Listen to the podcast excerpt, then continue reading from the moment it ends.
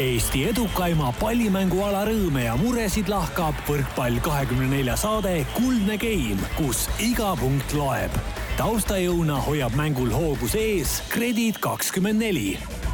Tere, head võrkpallisõbrad, on neljapäev, kahekümne kolmas detsember ja eetrisse läheb jõuluteel meie saatesarja saja kahekümne neljas osa.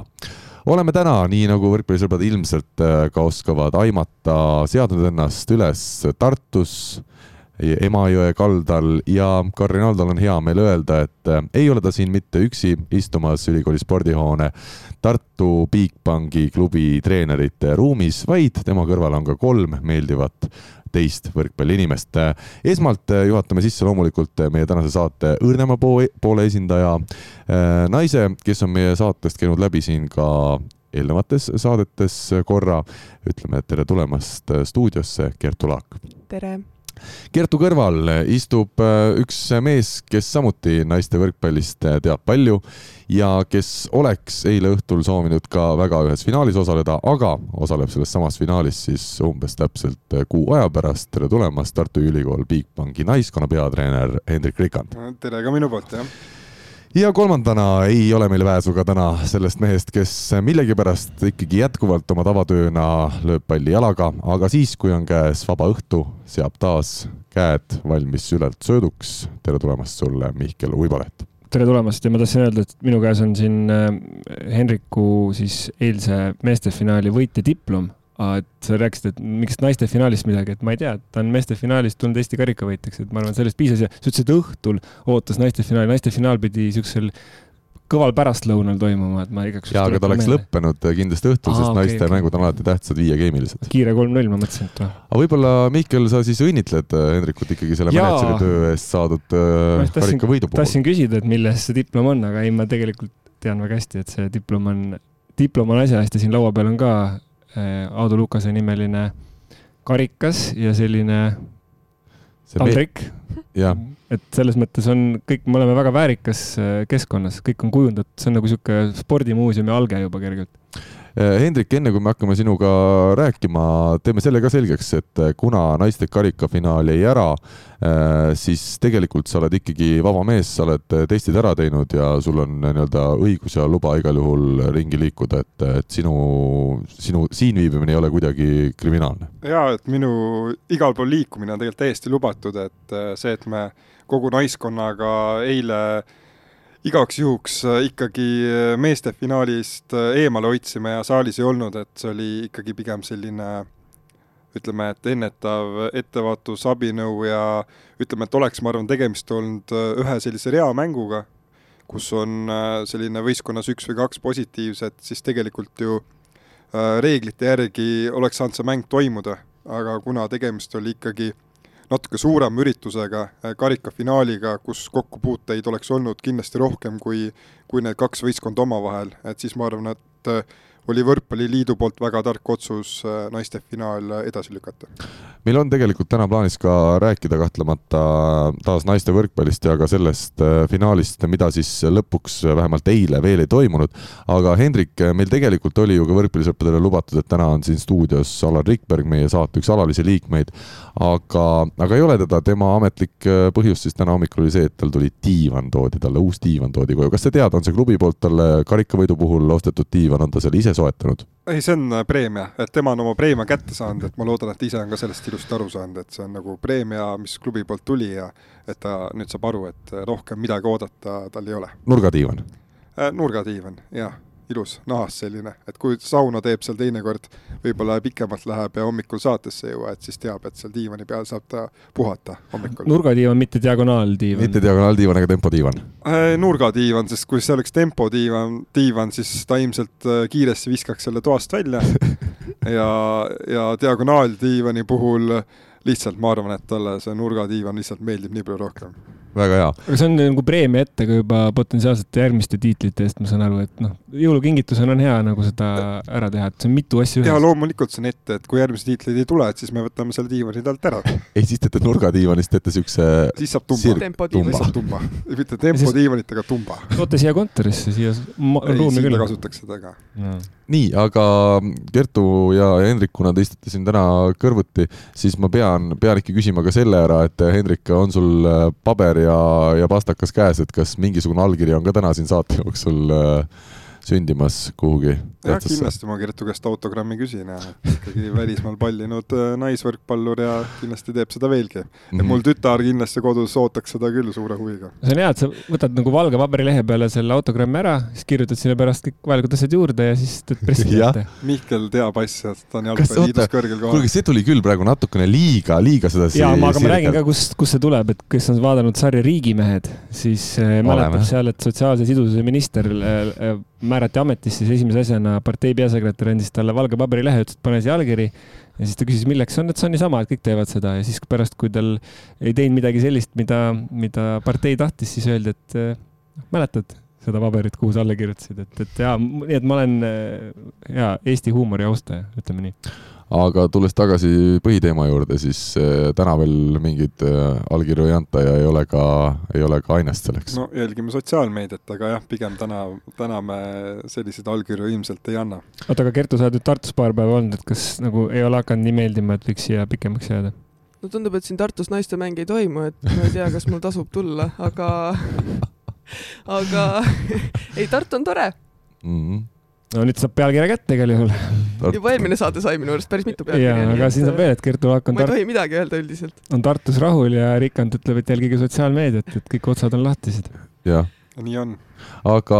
mm, ikkagi kümme tuhat äh, Tartu Bigbank, kes siis eile meestest Eesti karikavõitjaks krooniti, sai raha. kuidas see raha üldse, noh, selline inimlik küsimus, kuidas see tuleb, kas keegi alaliidust tuleb sularahaga, tuleb see pakiautomaadiga, kas see tuleb äh, tuleb see ülekandena, noh, sest see suur äh, selline, kuidas seda öelda, plakat on check. juba kätte saadud, tšekk, sa nimetad seda tšekiks või? no võime ju ilustada. see on üks poolteist meetrit korda meeter, selline suur tšekk. no esimese hooga me proovime selle tšekiga poodi minna. kui see ei õnnestu, siis äh, jah, et äh, alaliidul ka suheldes ikkagi kuidagi ülekandega see tuleb ja et, et ütleme nii, et lume alt all äh,, lume alt välja ta ei sula ahah, äh, Oliver Lüütsepp, teie meeskonna abitreener, palus edastada küsimuse ka mänedžerile, et äh, kas mängijad äh, nüüd Tartus saavad ka selle preemia osaliseks, on, on preemiat oodata? Äh, no peatreener oma diivani on kätte saanud. Äh, abitreenerile, no ma arvan, me kinkisime täna mõnusa vaba päeva ja ta ei pidanud peatreenerit äh, siin asendama saates. ja mängijate osas ma arvan, et küll me midagi jah, välja nuputame, et ei ole, tõsiselt rääkides, siis ma arvan, Tartu võrkpalli, võrkpalliklubis on ta olnud Bigbank Tartu või midagi muud, et ei ole võidu puhul mitte keegi kunagi, ütleme nii, et boonuseta jäänud. kas ka neljandad nurgamehed saavad boonust? Äh, võistkond on ikkagi kõik liikmed, et äh, on ta neljas nurgamees või kuues nurgamees, on ta, on ta neljas füsio või kolmas statistik, et, äh, et kõik liikmed kuuluvad ikkagi võistkonda ja saavad igal juhul oma osa kätte. ega teil neljandat füsiot ei ole vaja siin kevadeks? Äh, kui sa kiiresti peale maksad selle osa, mis me sulle välja peaks nüüd maksma, siis on kõik võimalik, jah? mul on hea meel, et nagu aastatega pole mitte midagi muutunud, et Henrik oli täpselt samasugune äh, samasuguse hea huumorisoonega ka siis, kui me ühiselt võrkpallitrennis käisime, et siis me hakkasime teda Eino Baskiniks mingi hetk kutsuma, et, et selles mõttes nüüd ta, ta teenib oma või noh, Heinziks siis lühemalt ka, et ta teenib oma nime nagu igati välja ka siin saates jah, nii oli küll jah, see tuleb täitsa meelde, et. oot, oot, oot, enne saadet saime siis selle teada, et, et te olete koos võrkpallitrennis käinud ja ka koos äh, täitsa soojendust teinud sedasi baaris. ja ometi ühest tuli indiaakamängija. ja mis sinust, Mihkel, tuli? nagu sa näed, siis äh, sinu saate püsikülaline mm. kuidagi, aga, aga ei, tegelikult väga lõbus aeg oli, et, et Henrikuga rääkides tuleb alati meelde mingisugused äh, seigad ja võistlused ja trennid ja nii edasi, et see on ju sihuke mõnus nostalgia läks, aga noh, pluss nagu Henriku sihuke äh, omapärane huumorisoon tuleb ka muidugi meelde alati. omapärane. aga ei, noh, nagu me siin oleme täna juba kogenud, et tal on siukse tõsise näoga lolli jutuajamine tuleb tal hästi välja, et see on nagu.... aga kas Mihkel ka oli sarnast, et ikkagi viskas ka nalja või oli pigem selline tõsine trennimees? meil oli ikkagi sellist meest ka vaja, kes nende naljade üle naerab, et ta oli rohkem see mees. tänaseni välja, nagu sa näed selge. Ühesõnaga kümne tuhande osas me saime teada, et kus siis üldiselt kogu raha läheb preemiaks või mingi pannakse kuskile tulevikku alla, võimalik ju hooaja teiseks pooleks veel mõni uus mängija äkki selle raha eest hankida? ma arvan, et ühtegi uut mängijat meil plaanis kind-, kindlasti hankida ei ole. jah, ütleme nii, et me loodame, et see Äh, võidusumma ei jää võib-olla ainukeseks selliseks äh, rahaliseks äh, toetuseks selle tiitlivõidu puhul, et meil on siin paar head toetajat ja ja ka Tartu linn on tihti sõna sekka öelnud, et ma usun, et siit saavad nii mängijad kui jääb võib-olla ka klubile tehtud töö eest väike tasu. minu meelest, sa teed selle nagu lingi nüüd, et et äh, selle kümne tuhande eest saaks ju Kertu siis palgata, et kui me Aa. rääkisime siin nendest lepingute sõlmimisest, et siis oleks ju raha olemas, et hooaja teiseks pooleks endale üks, üks täiendus võtta naiste meeskonda. siin on küll, vaata. Mihkel no, sunnib häid ideid. meeskonnale ju no,. klubile, klubile. klubile, klubile. klubi on üks tervik. jah. nojah, et naiste finaal jäi ära, et sealt oli võimalik veel võib-olla vahendeid juurde soetada, aga ei, see selleks jah, et, et see on ikkagi meeste välja, meeste ja meeskonna välja teenitud äh, summa ja küll me seal meeskonna sees selle asja ära lahendame ma küsin seda veel juurde, et kas need summad, äh, kui te teete näiteks aastaeelarvet või hooajaeelarvet, kas te planeerite mingisuguse sellise preemia sinna hariliku pliiatsiga kirjutate ka ette või see on ikkagi kõik äh, lisaks, mis tuleb? Selles mõttes, kui sa pead silmas, et kas meil on äh, mängijatega mingi ma mõtlen pigem nagu, et kas ta seal, ütleme, noh, potentsiaalne ma... karikavõit, meistritiitel, sellest tulenev, noh, ma ei tea, siis preemia näiteks Tartu linnalt või, või siis Võrkpalliliidult? no selles mõttes, et äh, no seda Aadu Lukase karikavõidu puhul ju oli teada, et äh, kui võit tuleb, siis see summa, summa on tulemas, et et eks me jah, midagi ikka natukene sisse arvestame, et kui me võidame, siis midagi me äkki ikka saame ja tänu sellele on ka mõnel mängijal need äh, preemiasummad juba lepingus sees ja teistega, teistega siis jooksvalt ja noh, seal ongi, mängijad ongi erinevad, et äh, ma räägin, et mõni mängija on nagu nui neljaks, tahab mingit summat sinna preemia näol sisse saada ja on nõus teinekord ka väiksema summaga, aga tahab, et see oleks fikseeritud. ja võib-olla iga tiitli eest. ja siis ma olen ikka öelnud, et äh, et usu mind, et kui me võidame, et ilma ei jää. et äh, ja see summa, noh, sa võib-olla fikseerid ära, aga tegelikult äh, võiks see hoopis suurem olla, et äh, su panus on võib-olla ka suurem olnud. ja meil on olnud olukord, kus fikseeritud summaga mängija saigi poole väiksema preemia kui teised. ja noh, see oligi natuke ka selline õpetuslik meetod, et noh, ei ole vaja teinekord kõike kirja panna, et siin Eestis äh, ja vähemalt Tartus ka hästi palju äh, saab usalduse pealt kokku leppida, et. see on nagu elektri hinnaga natukene, et kas sa teed fikseeritud paketi, võtad selle börsihinna äh, järgi, et kuidas, kuidas mingil hetkel nagu soodus on? kui selle elektri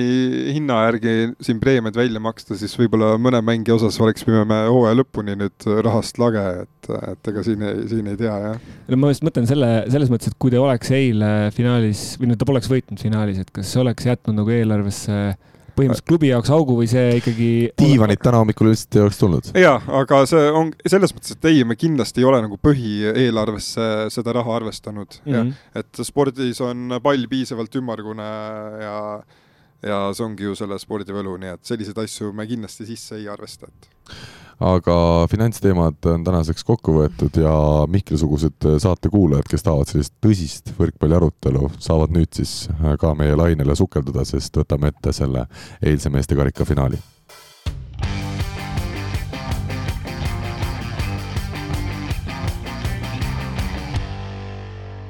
eile kolmapäeva õhtul siis Tartu Bigbanki meeskond krooniti kahekümne esimesel sajandil neljandat korda ja aastase vaheaja järel Eesti karika võitjaks. Aadu Lukase nime kantaval Eesti karikavõistlustel siis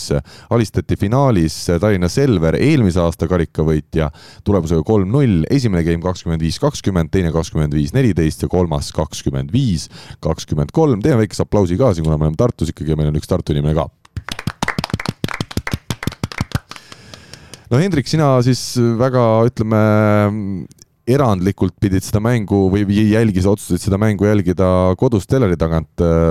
kuivõrd palju sa pidid küüsi närima ja, ja kas see oli selline ikkagi raske vaadata tele, televiisori vahendusel finaali või, või pigem nagu need numbrid ka kokkuvõttes näitasid, et see oli suhteliselt ühepoolne mäng? ütleme nii, et et teleka eest mängu jälgida on alati teistmoodi ja, ja ikka raske. eriti siis, kui sa oled ise ka sinna ürituse toimumisse ja sinna saali, mis, olgem ausad, eile nägi jälle päris äge välja, omajagu panustanud. aga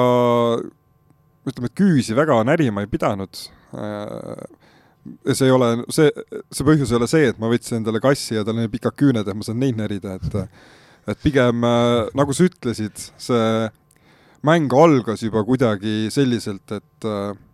et kui ma nägin, et kui Albert Hurt oli esimesed kolm palli maha löönud ja Martti Juhkami äh, Timo Lõhmuse ühese ploki vastu korralikult nii-öelda lajatas selle palli sinna põrandasse, et siis mina nägin, et need mehed on mänguks sada protsenti valmis. Ja lisaks mulle kohe meenus kuidagi kogu see saal ja see valgus ja mulle meenusid need mängud kaasani, kaasaniga, on ju, ja ja kuidagi ma tundsin, et meil on seda õhkkonda selliseid mänge mängida see aasta juba olnud ja, ja ma arvan küll, et see meistrite liigas osalemine ja need eurosarja mängud olid need, mis meile kindlasti suure eelise andsid selles finaalis. mina olen täielikult nõus sellega, seda oli tõesti natukene näha, et tartlaste jaoks ei tundunud see mäng nii eriline ja, ja pingeline, kui oli Selveri jaoks. Kertu, sinu esimesed sellised mõtted, emotsioonid pärast meeste karikafinaali?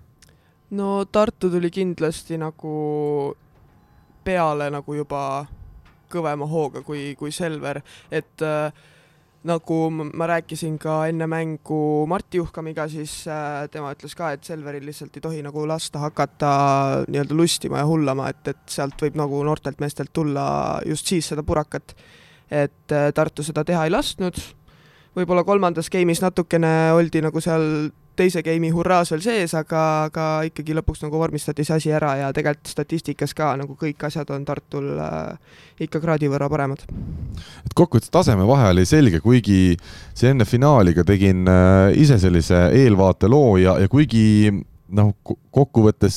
sealtki tuli välja, et Tartu peaks olema favoriit selles mängus, siis nii kindlalt kolm-nulli päris mina ennustada ei oleks osanud. Mihkel, kuidas sinule see kõik tundus? Kiire kolm-null, tund ja viisteist minutit ja oligi kõik, et äh, kolmandas game'is ju läks natuke huvitavaks ja, ja, ja see oli noh, selles mõttes kõik, et äh, siin ei tekkinud nagu kordagi küsimust, et minu meelest pinget selles mängus ei olnud, et see atmosfäär oli küll, nagu Henrik ütles, et äh, meenutas natuke neid kaasani mänge ja kogu see, no ikka finaali atmosfäär ja, ja eelmine mäng ju äh,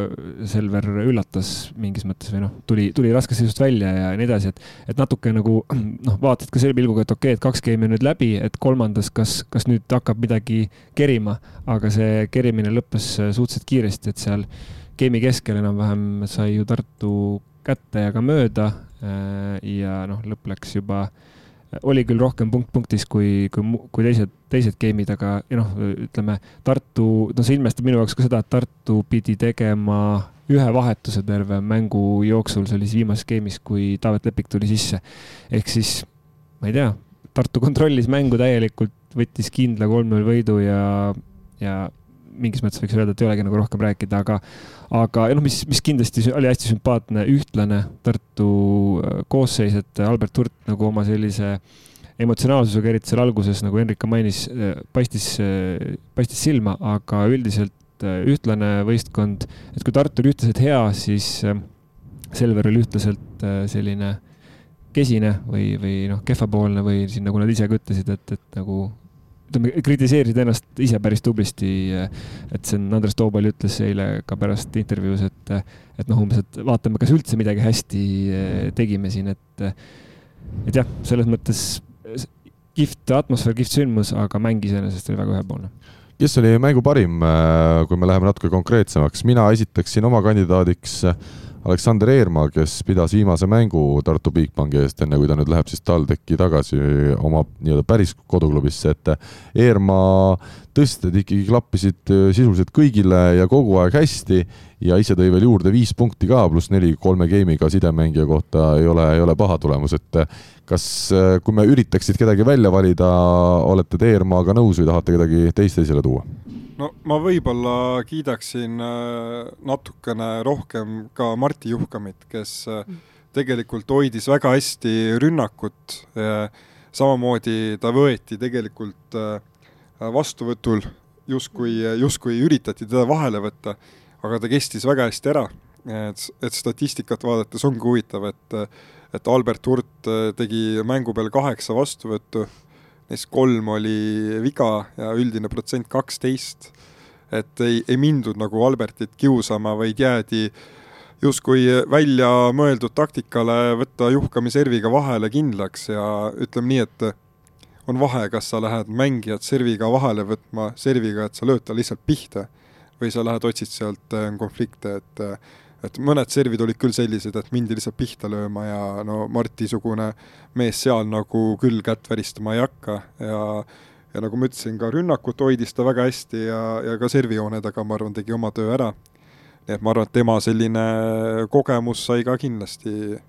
määravaks, aga Aleksander Eerma kindlasti kolm, tema kolm plokipunkti väga olulisel hetkel, väga emotsionaalsed, ma arvan küll, et ma just ütlen kuulajatele, et äh, siin on ikkagi stuudios meil täna Tartu mänedžer, et tal on kindlasti igal lausel on tagamõte, praegu me nägime läbi selle, et sul on Juhkamile siis plaanis järgmiseks aastaks teha uus pakkumine. Äh, no tegelikult ei ole saladus, et meil Juhkamiga on pikem leping kui aastane, et jah, seal on võimalus, et tal äh, lahkuda ka välismaale, et äh, seda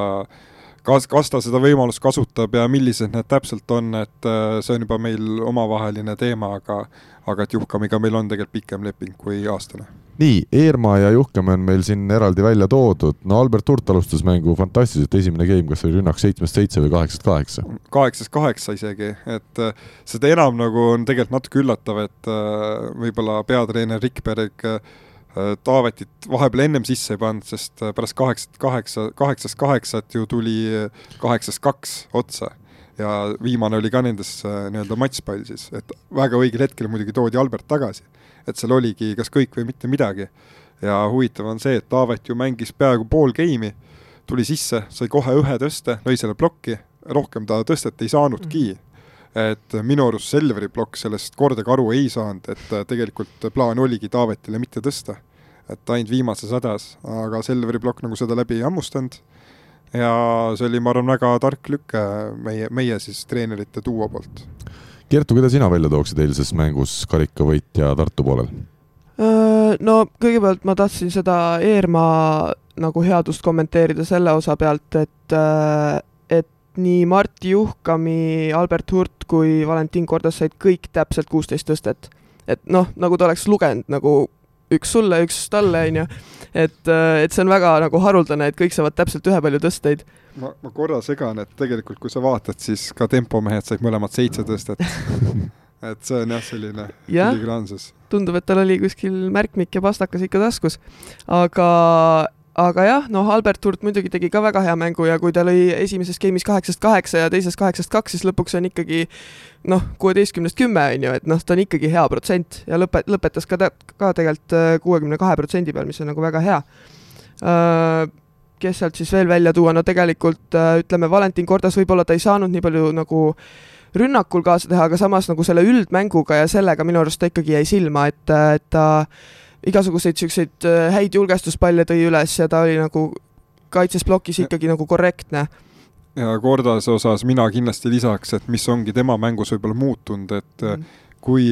kui mõned varasemad hooajad ta äh, see, äh, juhul, kui ta toob viis punkti, äh, teeb sinna juurde võib-olla, ma ei tea, vähemalt viis oma viga ka, siis praegu ta on hakanud hoidma, et üks oma viga, üks löök plokki, ta ei, ta ei lähe sellest nagu nii-öelda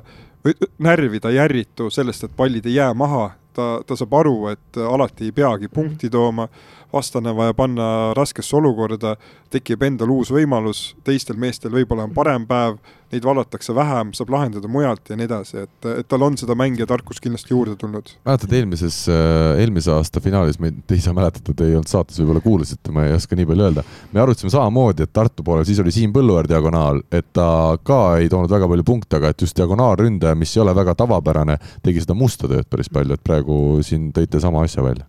jah, ja ma tahtsin tegelikult äh, Kevin Sood ka ikkagi välja tuua, et, et üks asi, mis ma nagu enne mängu mõtlesin, kui äh, Alex Saar-, Alex Saaremaa on puudu, et, äh, et Kevin Soo on nagu plokis minu arust väga hea, ta oskab lugeda mängu, ta on hästi kogenud selles, aga võib-olla seda rünnaku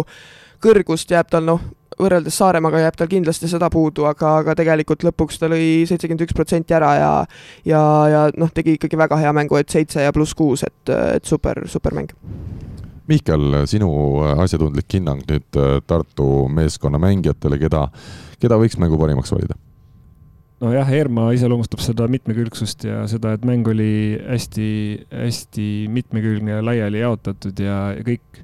toimis, et tema oli see liim seal, seal vahel ja noh, kasvõi see näide, et noh, sidemängijad sa ikkagi mängu jooksul noh, on tõenäoline, et, et sul võib tekkida vajadus teda vähemalt korraks välja vahetada, et et, et siin ei olnud nagu seda hetke, hetkekiie tekkinud ja sarnaselt Kertule oli mul peas Kevin Soo, et,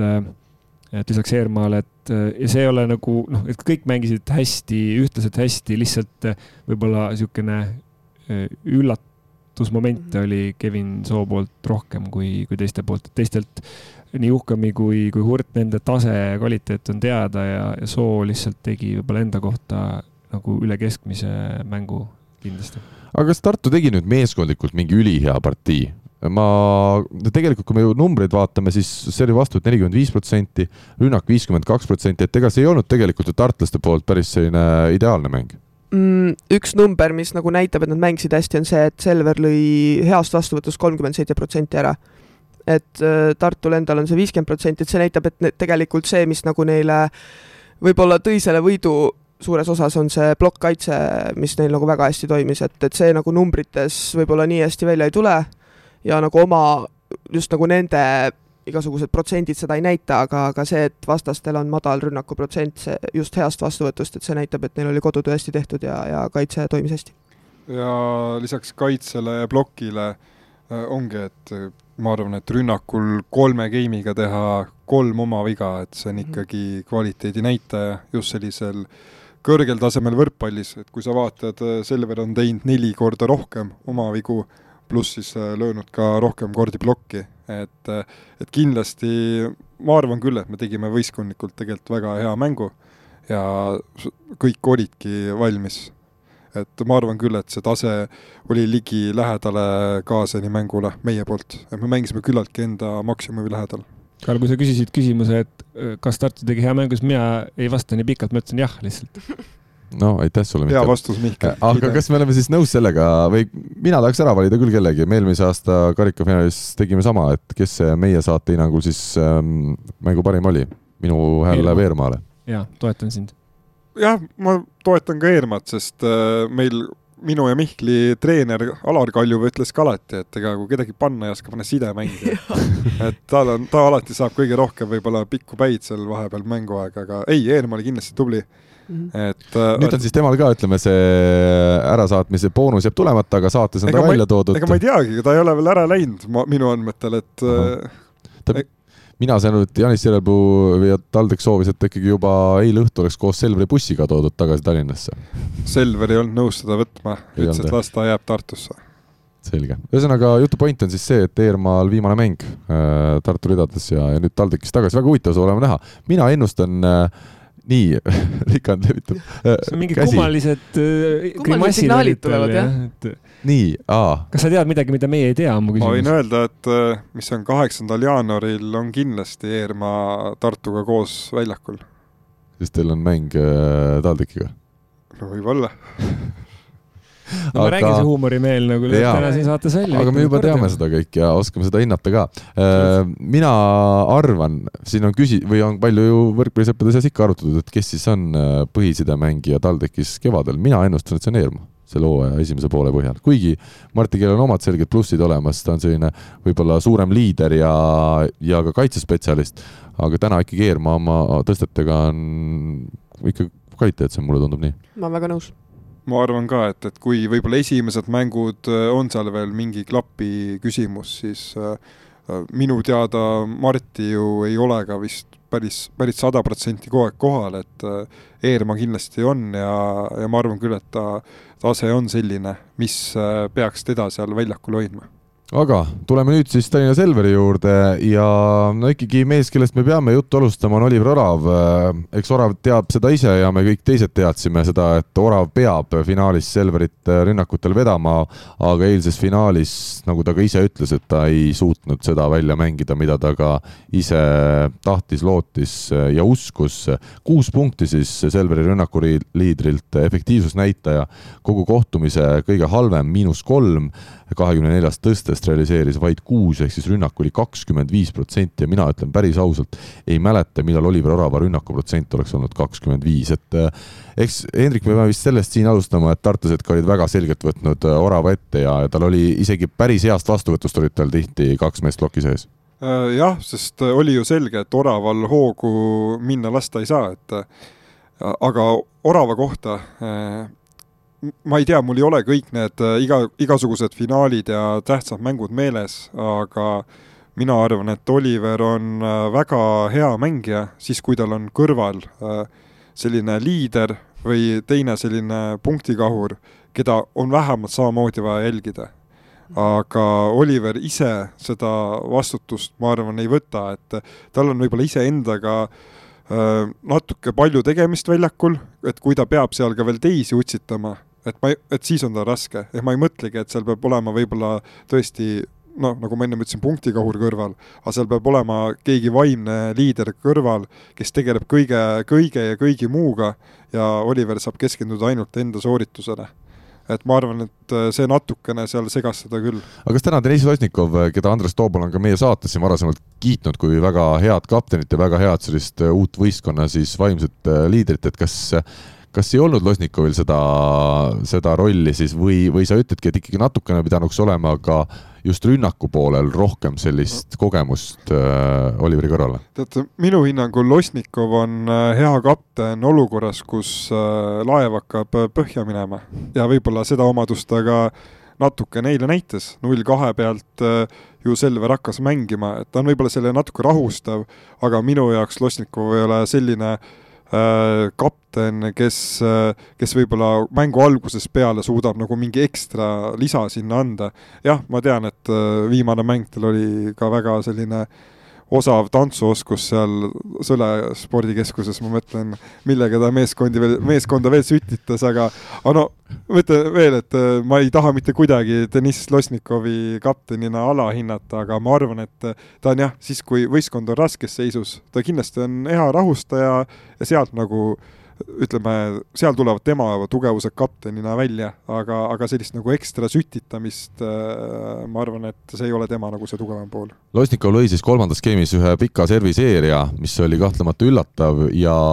üksteist punkti oma meeskonna ülekaalukalt resultatiivsem mees, efektiivsusnäitaja tõsi, pluss kaks ja midagi nüüd supereelist Ma, ma ei saa selle serviseeria kohta, et äh, need, kes tele vahendusel mängu vaatasid, kuulsid ka, kuidas Äll, äh, meie peatreener, rõhutas mitu korda, et Deniss Losnikov lööb meile kümme servi järjest. et äh, veel, Deniss Losnikovi serv on, ta võib lüüa väga tugevat servi, aga see, mis ta lõi tolles seerias, need olid, pooled olid sellised, et noh, vaat meil on servikahur, on ju, et seal nagu nii madalat tugevust panna ei ole võimalik. et me peame selleks selle lastesöödu, selle aparaadi võtma. et jah, ta lõi targalt, aga, aga no veel kord, et see, need ei olnud tugevad servid, aga Losnikov targa mängijana tunnetas ära, et kui ei saa jõuga, siis saab nõuga ja väga ütleme, targalt hoidis palli lihtsalt mängus mm, -hmm. nägi, et äh, Bigpangal oli korra selline võib-olla keskendumise kadumine mm -hmm. ja kasutas selle oskuslikult ära. nii äh,, Mihkel ja, ja Kertu, teie hinnang veel Selveri meestele. me oleme Oravast rääkinud, me oleme Lostnikovist rääkinud. Timo Lõhmus ikkagi diagonaalründajana tuleb öelda kokkuvõttes ei teinud oma mängu ära, ei, ei olnud Timol väga hea päev, aga, aga me olime seda nii, ahah ma pean võtma oma sõnad tagasi, ma olen vaadanud vale rida enne. Timo Lõhmus oli ikkagi üksteist punkti pluss kaks ja Losnikov oli viis punkti, efektiivsusnäitaja nullis. ma väga vabandan oma eksimuse pärast, aga no ütleme, suures plaanis ei Losnikov ega Lõhmus eh, ei, ei teinud eh, mingit superpartiid, aga, aga võtame selle Timo siis ette sellesama üheteist punktiga, pluss kaks rünnak kahekümne viiest tõstest, üheksa sai maha, tegi seejuures seitse viga rünnakul, rünnakuprotsent siis nii Losnikovil kui ka Lõhmusel lõpuks kolmkümmend kuus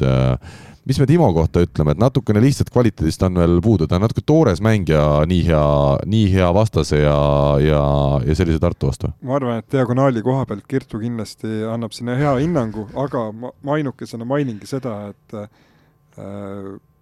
Kordas ja, ja Lõhmus on mõlemad sellised ikkagi mingis mõttes noored diagonaalid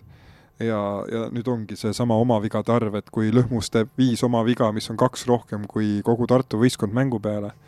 et, et sealt nagu hakkavadki need asjad juba nii-öelda välja tulema ja minu hinnangul ei saa öelda siis kuidagi, et Lõhmus oma ülesannetega hakkama sai, aga ma arvan, et Kertu kommenteerib siia juurde. jaa, no võtame selle Timo siis ette, et ei, ega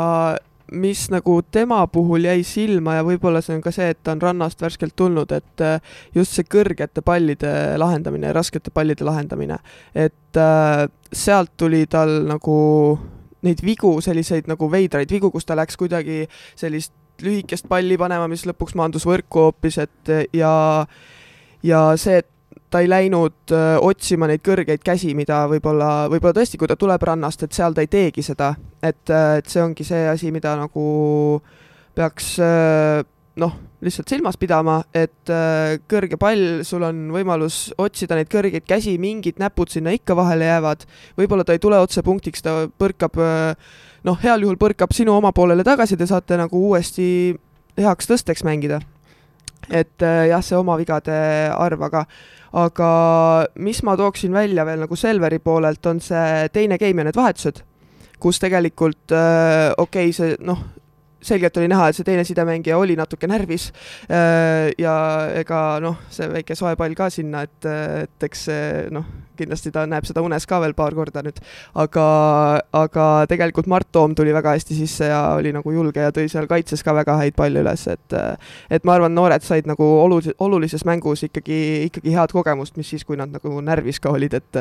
et sellise noore võistkonna, veel noorem nagu see vahetuspink seal sai, ma arvan, jah, head kogemust jaa, minul, ma just ütlen isiklikult väga hea meel Mart Toomi üle, ta on olnud siin erinevates võistkondades varumehe rollis ja kui on väljakule saanud, siis on ka väga palju eksinud tihti, aga eile karikafinaalis tuli platsile siis, kui teine game oli juba tehtud ja no tegi siuksed hetked muidugi, et äh, annab, annab välja lõigata ja seina peale panna tal kodus. Jah, et, et Mart Toomi osas ma olen sada protsenti nõus, et äh, mul on tegelikult väga-väga kahju, et äh,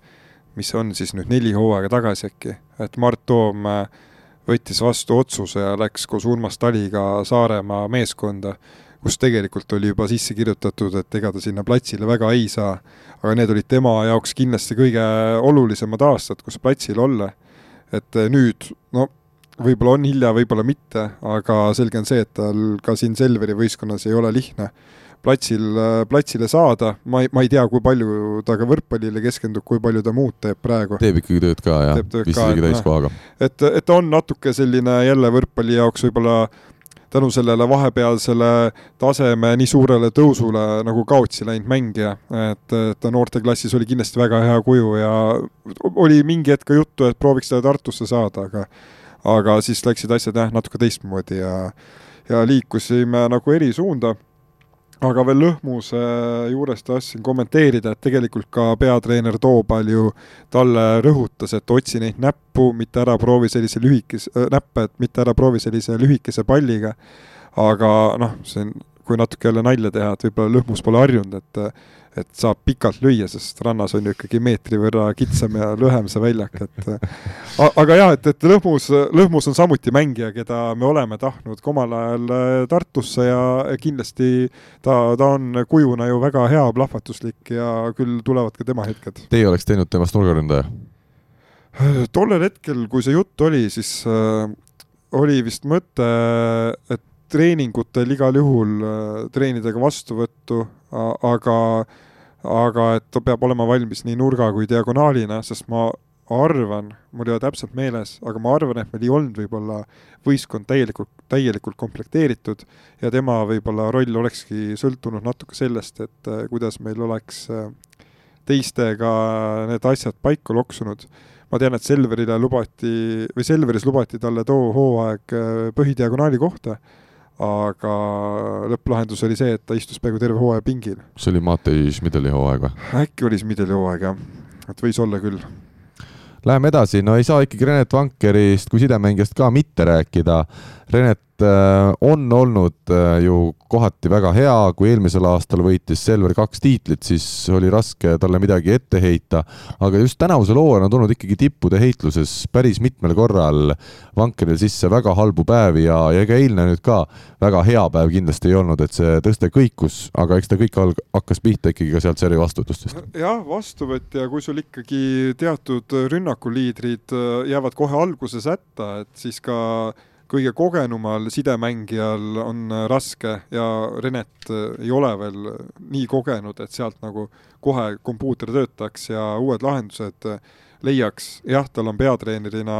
väga kogenud sidemängija Andres Toobal olemas, kes talle kindlasti head nõu annab ja ka time-out'ide aeg oli näha, et ta sidemängijale konkreetseid juhiseid andis, et kas see ühele või teisele sidemängijale tuleb kasuks või kahjuks, kui talle antakse konkreetsed juhised kätte et see ongi selline otsimise koht, aga Reneti mängu juures äh, mulle meeldib, et ta on servil leidnud äh, natuke lisaks sellile, sellisele tavalisele planeerivale pallingule sellise tugeva jõuservi või hübriidi variandi, et et see sidemängija puhul on ka kindlasti oluline, et, et sealt Arsenalist on äh, võimalused laiemad. Kokkuvõttes, mis ikkagi silma hakkab, kui eelmisel aastal samad meeskond mängisid Tartus seda finaali, siis oli Selver kogenum meeskond, seal olid Teppan Kollo Raadik juures ja mulle tundub paljuski tänu kogemustele, nagu me oleme siin rääkinud, oli ka Orav näiteks parem ja võeti see finaal ära kolm-üks tulemusega. nüüd aasta hiljem oli nende kahe meeskonna duellis selgelt kogenum meeskond Tartu Bigbank, kui ma algkoosseisud panin kokku, siis äh, Tartul keskmine vanus kakskümmend kaheksa ja Selveril oli vist kakskümmend kolm. Ja no suurtes mängudes see kogemus lihtsalt loeb. No seda kogemust ei saa alati võrdusmärgiga hinnata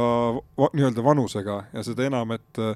siin Tartu Bigpangas on äh, kaks meest nagu võib-olla ekstra vanemad võrreldes teistega. Äh, aga, aga jah, selles mõttes kindlasti, et need positsioonid, kust nagu seda mängu ikkagi tehakse, nurgad ja diagonaal eelmine hooaeg oli Selveril seal eh, nii kogemust kui jõudu rohkem ja see hooaeg eh, või see finaal, ütleme siis, oli selgelt eh, asi vastupidine. Ma ütleks ka, et see noh, kui vaadata seda kogu hooaega, siis Selver on mitmetes mängudes, kus on olnud pigem endast nõrgemad või üldse sellistes meistrivõistluste võib-olla vähem pingelistes mängudes on, on just nad sellise hurraaga või niisuguse vaimuga äh,, silma paistnud, hea vaimuga, hea meeskonna vaimuga. et siis äh, nii-öelda niisuguses tõsiselt suures mängus, kus, kus oli palju kaalul, oli, oldi piltlikult öeldes näost valged, et äh, või võib-olla ka, võib-olla oli ka mõni mängija päriselt näost valge, et ega see, see, see ei olegi nii piltlik äh, või kujundlik väljend ainult, et et, et iseenesest see nagu kuidagi omavaheline suhtlus ja see meeskonna keemia on nagu hea, aga nüüd ongi küsimus, et äh, lisaks mõnele vähem kogenud mängijale on ju ka peatreener ikkagi tegemas esimesi samme peatreenerina. Ja noh, kindlasti ka Andres Toobalil on nüüd küsimus, et kuidas ma võistkonda edaspidi häälestan sellisteks väga pingelisteks mängudeks, mida ma peatreenerina saan teha, et võistkond oleks vaimselt paremini valmis, et kui ta ise ütles ja ja ka Alar Rikberg ütles, et oli näha juba soojendusel ja, ja Toobal ütles, et juba mitu päeva enne oli trennis näha, et, et see asi noh, läheb käest ära mingis mõttes, et siis mida teha, et kuidas seda pidurit seal tõmmata? jah, nagu mängus oli minu arust seda ka Selveri puhul märgata, et, et nad ise saavad nagu hästi läbi omavahel ja neil on niisugune äge punt ja, ja nad on nagu noh, naudivad seda platsil olemist, aga mingi hetk ei puudu sellisest sportlikust vihast võib-olla või sellest äh,, nagu ka Teppaniga pärast seal rääkisin, et, et kes oleks võib-olla läinud kohtunikuga vaidlema või noh, ma ei tea äh,, pannud ploki ette ja jõllitanud vastast nagu, et, et noh, niisugune viha või selline jah, intensiivsus võib-olla jäi puudu, et tehti nagu oma asja küll, aga kui vastane suruma hakkas, siis seal, sealt nagu ei suudetud välja tulla, et selline vihane liider oli, oli just puudu, et eks Losnikov oskab neid äh, mehi seal kokku võtta ja rahustada, aga nagu üles, jah, nagu Rik-, äh, Hendrik ka siin ütles, et et äh, selline sütitamine võib-olla jäi jah puudu. et jah, et nagu ütles Kertu, ütles Mihkel, et Selveri mehed saavad omavahel hästi läbi platsi peal. vist ei tea. Kertu ütles, onju. et saavadki hästi läbi ja ei olegi kedagi, kes ütleks, mhm. no aga sorry, no teine game, sa oled kuus kakskümmend üks taga. no kurat, keegi peab ütlema. et äh, just selline mees oligi eelmine hooaeg no seal oli neid mitu, oli see Teppan, Raadik, Kollo. Teppan hakkas juba siis ütlema, kui esimene game null-üks oled taga. nojah, et, et Teppan on võib-olla natuke äärmuslik. tervitame Reneed ka. aga kindlasti mängumehena on see omadus tervitatav, lihtsalt ongi, et kuidas see ühele teisele võistkonnale mõjub, onju. aga no kuus kakskümmend üks seisul ei pea olema peatreener see, kes ma ei tea, kõik ette võtab ja seal mingi sõimu korraldab, vaid seal peab olema väljakul see mees, on ta kujunenud, ongi kas ta on kujunenud selleks meheks äh, riideruumis või väljakul, aga keegi peab olema, kes ütleb, et äh, see, see ei saa olla, et ah, pole hullu, kuus kakskümmend üks, et noh, järgmine game hakkab null-nullist, no hakkab jah, aga no sorry, et keegi peab korra ütlema midagi. no muidugi kuus kakskümmend üks seisul ilmselt seal olid enamus mehed ka juba välja vahetatud, need, kes oleks võinud nagu midagi öelda, aga, aga noh no, keegi oli ikka seal platsil ütlen lihtsalt lõpetuseks selle teema juurde ära ka selle, et kahekümne seitsme aastane Deniss Losnikov on ka Selveri vanim mängija sel hooajal, et ikkagi, kui me mängime, räägime suurest finaalist, siis kakskümmend seitse vanima mängija kohta on ikka päris noor. ja et see küsimus Henriku selle mõtiskluse jätkuks, et kas võib öelda, et Selveris on liiga head inimesed, et seal ei ole ühtegi niisugust nagu jutumärkides pätipoissi, et kes nagu aeg-ajalt ütleks või noh, sõnakamat, et ma ei ütle, et Martti Juhkami on nüüd pätipoiss, aga ta on kindlasti sõnakam, et ta mingil hetkel teeb oma turtsumise seal väljakul ära ja see nagu veel paneb äh, nooremaid mehi vähemalt äh, viimaseid energiavarusid koondama ja ma arvan, Rait Rikberg sama, Rikberg samamoodi. jah, et võib-olla Selveri poole peal on seal mõned sõjakad mehed küll, aga nad on kuidagi võib-olla oma selle sõjakuse äh, pööranud pigem sinna teisele poole väljakut ja saadavad seal vastast mõnikord pilguga, aga noh, teinekord võib-olla peaks enda väljaku poolele vaatama ja ja et äkki praegusel hetkel on seal keegi, keda pilguga saata. me oleme nelikümmend viis minutit täna rääkinud sellest äh, finaalist ja me ei ole rääkinud veel sellest, et enne finaali oli suur hala, et Tartu Bigbank on äh, haige, kõigi ei saa mängida, kõik on kehvasti. et tegelikult Alar Rikbergit ikkagi hea taktikaline jälle lüke ka vastaste suunas. tuletame meelde meie eelmist saadet, et eh, noh, me lõpuks pidime tegema selle ennustuse, et kes võidab, et siis kõik, kes seal saates olid, ikkagi väga külma rahuga ütlesid, et Tartu võtab selle ära, et ja, ja selles mõttes see oli noh, seda ka tõestas, et noh, mingis mõttes võib öelda, et sellised raskused võistkonda ka, liidavad ja noh, natuke Alari eh, jutule eelmises saates andis ikkagi ka mängijate Äh, ka siis mängijate kommentaarides pärast eilset mängu vist Juhkam oli see, kes ütles, et, et tegelikult jah, et korraks nagu oli selline tunne, et, et me nüüd ei ole saanud paar päeva trenni teha korralikult, aga et siis läks nagu, nagu asi, asi jälle, jälle joonde, et noh, eks ta oli selline võib-olla ka natukene oma võistkonnale, mina kujutan ette, et ka oma võistkonnale natuke selline märguanne, et kuulge, me eelmise mängu kaotasime selle Selverile, see ei olnud kindlasti meil mingi planeeritud kaotus. nüüd meil on sellised olud, et noh, nüüd vastutus on nagu ka teil mängijad, et, et te peate nagu sellest keerulisest olukorrast kokku võtma. Äh, jah, Hendrik tahab siin midagi lisada veel. mõjuski võib-olla sellise äh, vaimu värskusena lõpuks, et teinekord on ka, et kui pikka aega, ma ei tea, on see võrkpall või korvpall, äh, muid palle mänge meil väga ei ole, et, et kui sa tükk aega ei mängi, tükk aega ei mängi ja siis äh, tuled uuesti platsile, et siis õnnestubki kõik väga hästi, ongi kuidagi mõnus. nagu et, sinu äh, nali praegu õnnestus hästi. huvitav on see, et tal on laua peal ajakiri Jalka tal ees, et, et. Äh, no sa ikka poolvägis, ma lihtsalt ütlen, et Mihkel poolvägisi meil jälle kuus korra neid Jalka ajakirju siia laua peale sätib. ei, tegelikult jalgpallis on hakanud ka väga õige, et asjad toimuma, et Viljandis on ka aru saadud, et võrkpall tahab tagasi pilti tulla ja jalgpall peaks võib-olla esiliigasse naasma väga hästi, nüüd on ka see põhjus teada siis. aga kui me räägime nüüd sellest, et pool hooaega on veel ees veel, Grade kakskümmend neli Balti liiga, Eesti liiga. Rikard võttis samal ajal näitlikult ette selle jalkaajakirja, hakkas seda sirvima, aga juba ongi ta otsa saanud, sest midagi huvitavat tundub, et Rikard ei leidnud seal. ei, ei ta endiselt sirvib noh. siis eh, mina tahaksin küll öelda, et kui nüüd Tartu sellise seisu pealt ikkagi tuli, eh, Saaremaad ei olnud, eh, trenni ei olnud saanud väga teha ja võitis selle finaali nii kindlalt, mina enam pärast seda eilset finaali nüüd ei taha küll kuidagi näha või ei oska kuidagi näha, kuidas suudaks TalTech või Selver, veel vähem nüüd Pärnu, saada kevadel Tartule vastu? no siin nüüd on üks küsimus, et kui Eerma läheb tagasi TalTechi, et mis, mis siis nagu saab, et kas Toobal veab Eerma taseme välja, mu küsimus nagu? minu jah,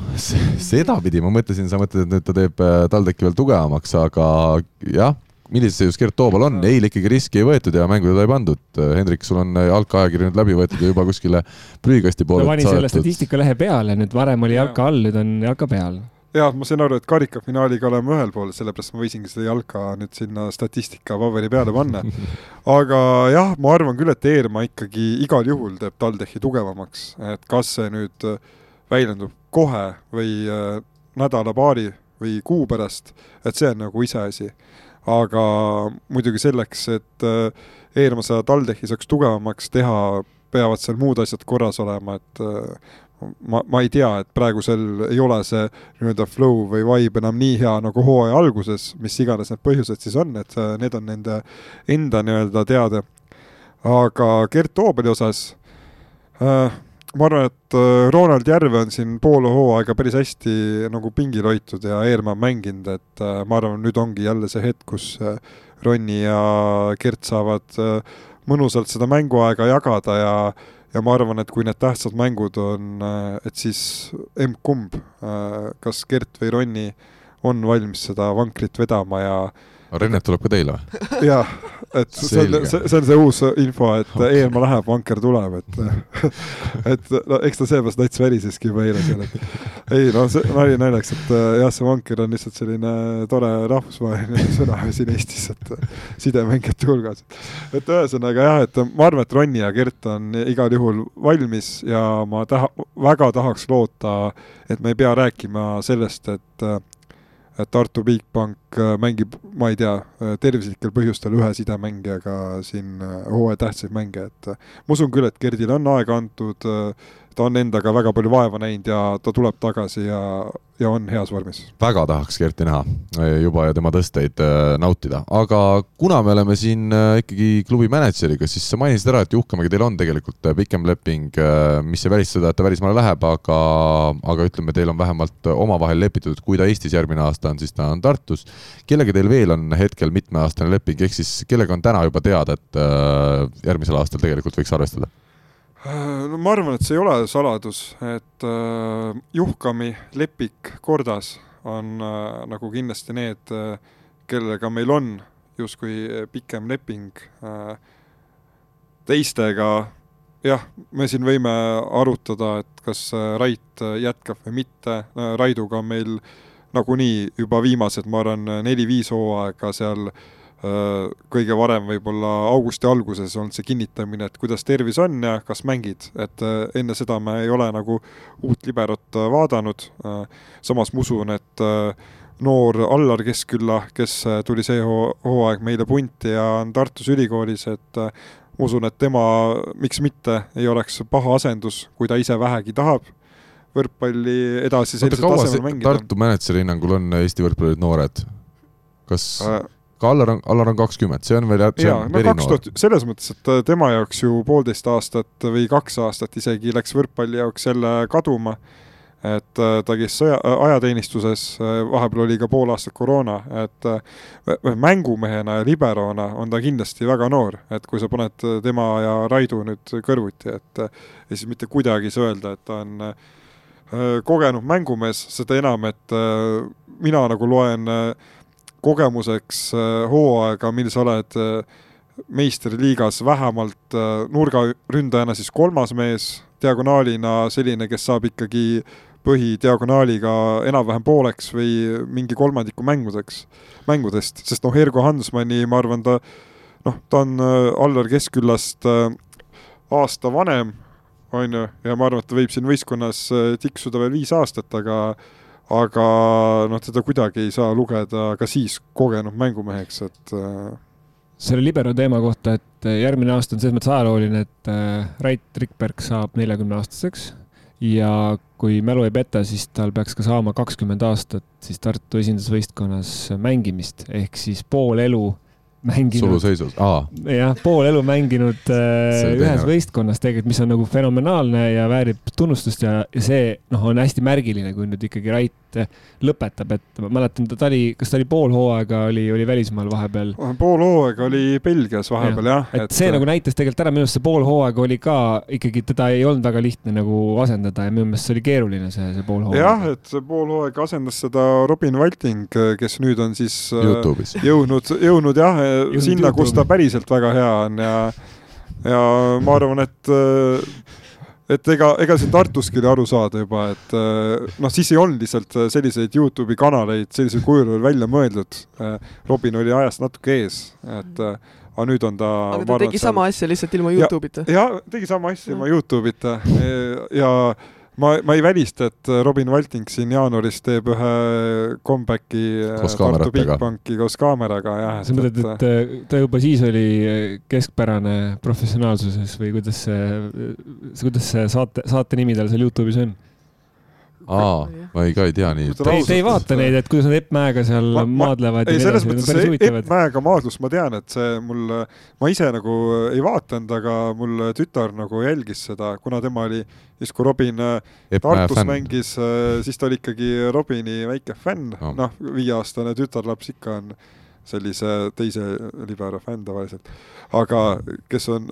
noor ja särav. aga siis äh, su, äh, mul tütar Susanna võttis selle nii kokku, et äh, kui nad selle Epp Mäega maadlesid, et issand, et Robin sai küll äh, nagu haledat tappa ja jooksis eest ära, et see Andrei vähemalt üritas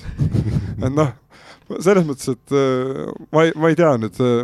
noh, Robin nüüd vähemalt äh, teeb seda, mida ma arvan, ta teeb hästi ja minu arust ta nii hull libero ka, ei olnud ta nii hull libero ka midagi. ei no lihtsalt vaata, kui sa võrdled Rait Rikbergiga, kes on legend ja ma tahangi öelda, et, et see on ka selline, kuidas asendada nagu sellist meest, kes on noh, nii pikalt järjepidevalt praktiliselt noh, ilma vigastuspausita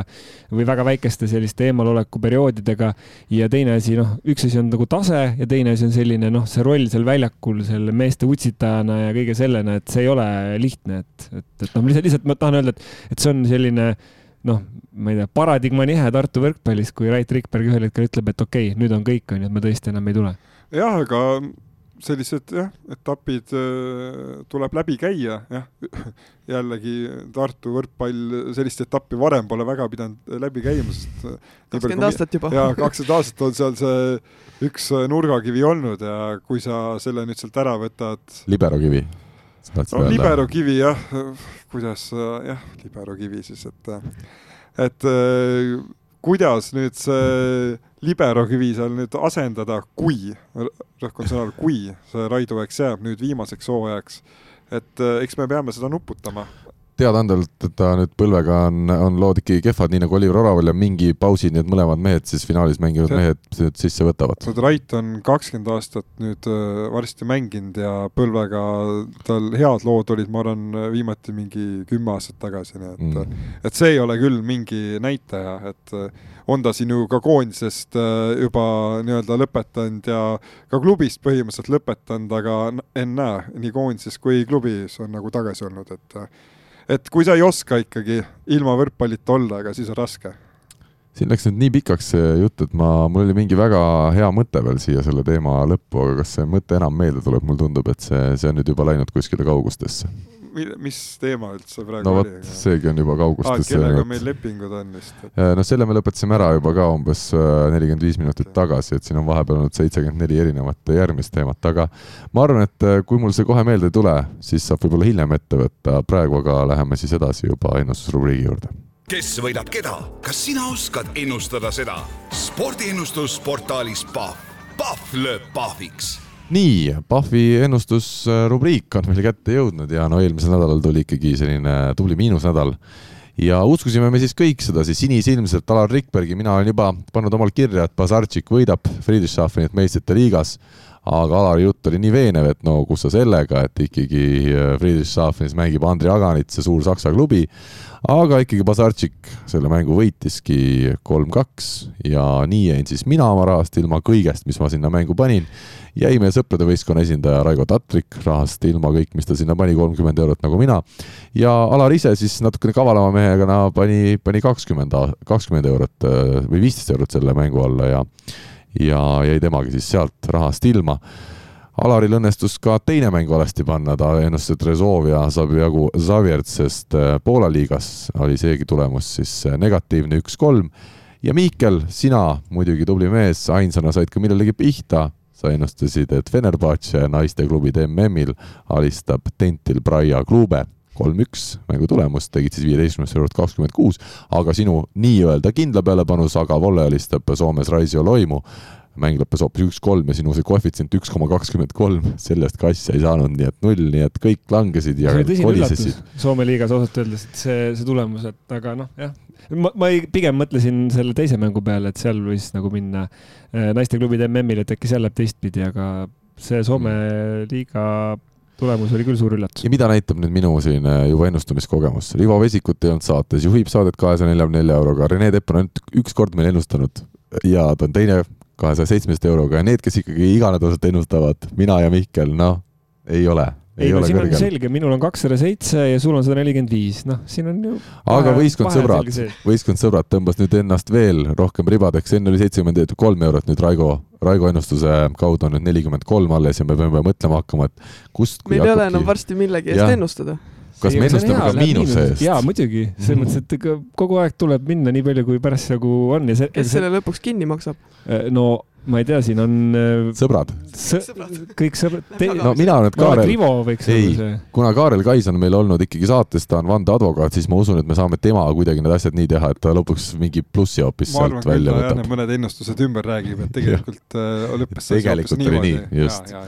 aga meie saate väga hea toetaja Pahv ähm, on siis äh, pannud valmis ka järgmised äh, ennustused selles suhtes, mida me saame valida ja mm, kas meil on siis esimestel, no Hendrik, sina kindlasti oled suur äh, panusesõber milliseid toredaid sündmusi näed siis eeloleval nädalal aset leidmas? saame valida nagu kõike, kõike, mis siin on. näiteks korvpalli saab ka näiteks korvpalli. et mul on, ma nüüd ei tea, võib-olla mingi info maha maganud, aga äh, siin on äh, täna justkui Euroliiga korvpall, Real Madrid ja Moskva CSKA. ja ma saan aru, et Real Madrid mängiks justkui ka kodus. tundub nii. ja nende koefitsient on neli koma kaks. et äh, ma, ma ei tea, et äh, CSKA see hooaeg nii võimas oleks või on see Real Madridil tõesti nii palju puudujaid, et on seal mingi viiruselaine läbi läinud või mitte, aga ma arvan küll, et see on äh, mäng, kus võiks nagu Real Madridi proovida. ja kuna sa ennustad sõprade alt, siis mina tean juba, et ükskõik, mis sa arvad, niikuinii läheb mööda. ei äh, nojah, selles mõttes, et ju seal on mingi oma põhjus. aga ma arvan, et see on see riski koht, et Real Madrid neli koma kaks. see on huvitav, jah, Real on tabelis teisel kohal. ja, ja ma ütlen, seal on kindlasti mingi asi, mida me ei tea mm, -hmm. aga, aga ma arvan, et see tasuks nagu proovida. No nii, ja palju sul sinna läheb siis, kas kõik kolmkümmend või annad? paneks pool sinna. viisteist, väga hea viisteist ja koefitsient siis ütleme üle veel kord, see on neli koma kaks Madridi Realile kodumäng Moskva CSKA-ga korvpallis. ja, ja kui ma pean teise poole ka kohe panema või? ma jääks ikka korvpalli juurde, aga ma võtaks nüüd sealt ookeani tagant. Ja, ja ma seal teeks ka natuke sellise, riskiga, noh, kuna sõprade alt ju ainult riske siin võetakse. absoluutselt. et äh, Tallas Mavericks ja Milwaukee Bucks, et Tallase koefitsient kodus on kaks koma seitse et äh, prooviks, neil ei ole see hooaeg äh, nii hästi läinud, aga aga ma ei tea, äh, Luka Dontšits võib-olla, kui ta üldse mängib, aga ei olegi nüüd jälginud see hooaeg, et et võib-olla enne sellist jõululõunat tal on selline hea viskepäev ka korras. pärast kindlasti ei ole enam. jõulula-, jõululauda nagu istuda.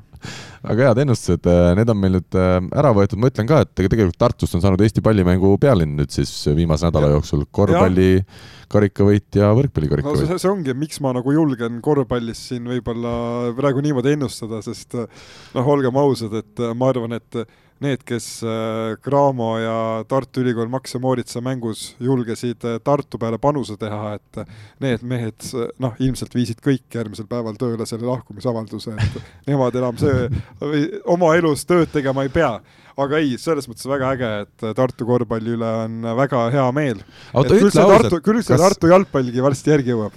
Oi, oi, ei, siin nii kaugele need asjad ilmselt lähiajal ei jõua, meie saate ajaloos vähemalt mitte, aga ütle päris ausalt, no ma tean ju, kuidas Pärnus on see konkurents ikkagi, korvpall, võrkpall, see on otsesed toetajad, kelle nimel konkureeritakse, kas tegelikult ka, Hendrik, sul on tõesti hea meel, et Tartu korvpall nüüd võitis? Või, või see on paratamatult, kui sa samas linnas, väikses linnas ajad neid asju, siis äh, sa ei saa olla päris nii, et oh, korvpall super. no meil on võib-olla see suhe siin Tartus natuke veel teistsugune, et me ei tee mitte ainult samas linnas, vaid me teeme ka samas spordihoones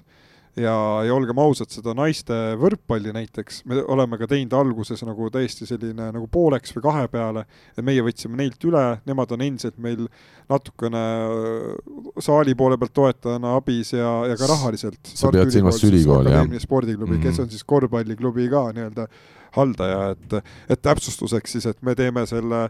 Tartu korvpalliga siin selle Tartu Ülikooli Max Moritsaga rohkem koostööd, mitte siis selle äh, Tartu Rockiga, onju. no Tanel Tein võib vist nüüd küll oma asjad jälle kotti panna. tervitada ja tublid, onju, aga, aga tõesti siiralt, et me elame üksteisele kaasa, jagame saali, jah, loomulikult Äh, toetajad, võimalikud toetajad äh, meil võivad kattuda ja mõned kattuvadki, et äh, aga see, see ei saa küll olla nagu kas võib öelda, et Tartu on piisavalt ikkagi suur linn, et kui Pärnus, no tundubki, et jääbki sellest ressursiks vähest, väheks no,? vaata, see on ka see, et kui meie käime näiteks kuskilt raha küsimas, et kas me lähme sinna selle eesmärgiga, et oh, me teeme nüüd korvpalli, jalgpalli maha, et andke võrkpalli või me räägime, et, me teeme oma asja, las teised teevad oma asja ja me kõik, kõik nagu äh, räägimegi ühtemoodi ja oleme ainult enda tegemiste eest väljas. et ma arvan, siis äh, toetajal, äh, noh, see on lõpuks tema otsus, et kas ta jagab mõlemale, kas ta annab ühele, see on selge, et äh, ega ühele toetajale meeldib rohkem korvpall roh, teisele rohkem võrkpall ja leidub ka neid, kellele meeldib jalgpall, et. leidub? jaa, leidub, sest ega Tammeka ka ju Tartus tulemused alati ei näita, aga teeb kindlasti head tööd rõõm on kuulda seda, aga lähme edasi ennustustega. Mihkel, kas võtame sinu ette siit, sul on ja. kindlasti midagi huvitavat juba meile pakkuda. muidugi Hollandi naiste võrkpalliliiga ja Utrecht on seal mängimas äh, Springendal setup kuuekümne viiega, äh, siis liiga viimasega kodus. Utrechtil on koefitsient üks koma kolmkümmend, nii et nende peale läheb äh, pool ja teine mäng Hollandi naiste kõrgliigast on Dinamo Appeltorn ja Voltena ja seal on nüüd nagu natuke keerulisem ausalt öeldes ennustada, et koefitsient on küll Dinamo Appeltornil üks koma viiskümmend kaks ja Voltenal kaks koma kolmkümmend kaheksa. Ja nad tabelis ka kõrvuti asetsevad, vastavalt siis üksteist ja kaksteist on neil kohad, aga ma ei tea, peaks mingis mõttes koduvõistkonna Appeltorni peale panema, aga teeme riski siis vahelduseks, paneme selle Voltena peale kaks koma kolmkümmend kaheksa koefitsiendiga. selge ja Kertu, mida põnevat sina oled meil leidnud? Äh, mina leidsin sellise huvitava asja nagu selle mikrofon on ka meil suusahüpped leidsin. väga hea unustan vahepeal ära. See küll toimub siis kakskümmend üheksa detsember, ma loodan, et see kuupäev äh, vastab äh, siin regulatsioonidele selles mõttes, et äh, ma ei tea, millal järgmine saade eetris on. aa, ikka, ikka, ikka. aga äh,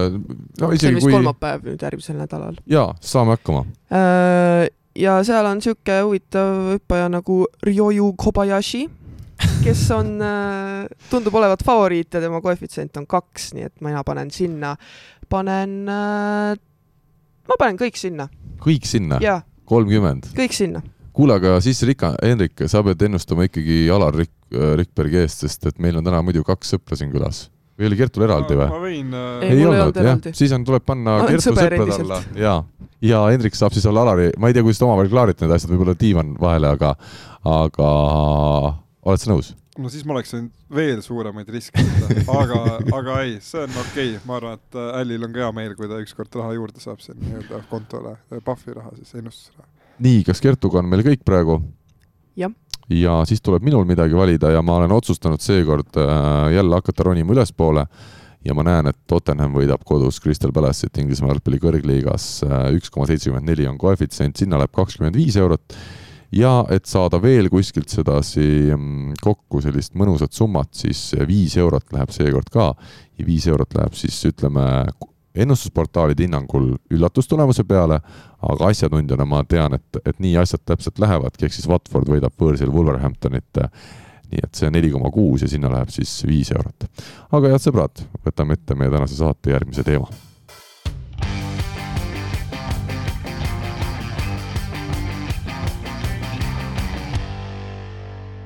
ja hakkame rääkima siis naiste võrkpallist ja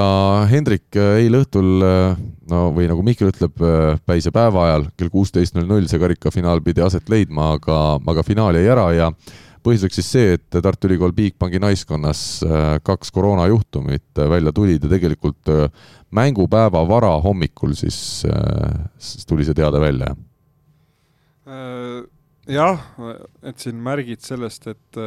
midagi võib nii-öelda õhus olla. Teisipäeva päeval mõne kiirtestina tulid ja, ja tänu alaliidu presidendi Hanno Pevkuri väga kiirele tegutsemisele sai juba kõik äh, teisipäeval äh, testima ja selline kokkulepe jäi, et kui, kui tuleb kas või üks positiivne proov juurde, et siis kuigi äh, justkui reeglid lubaksid, kuna kõik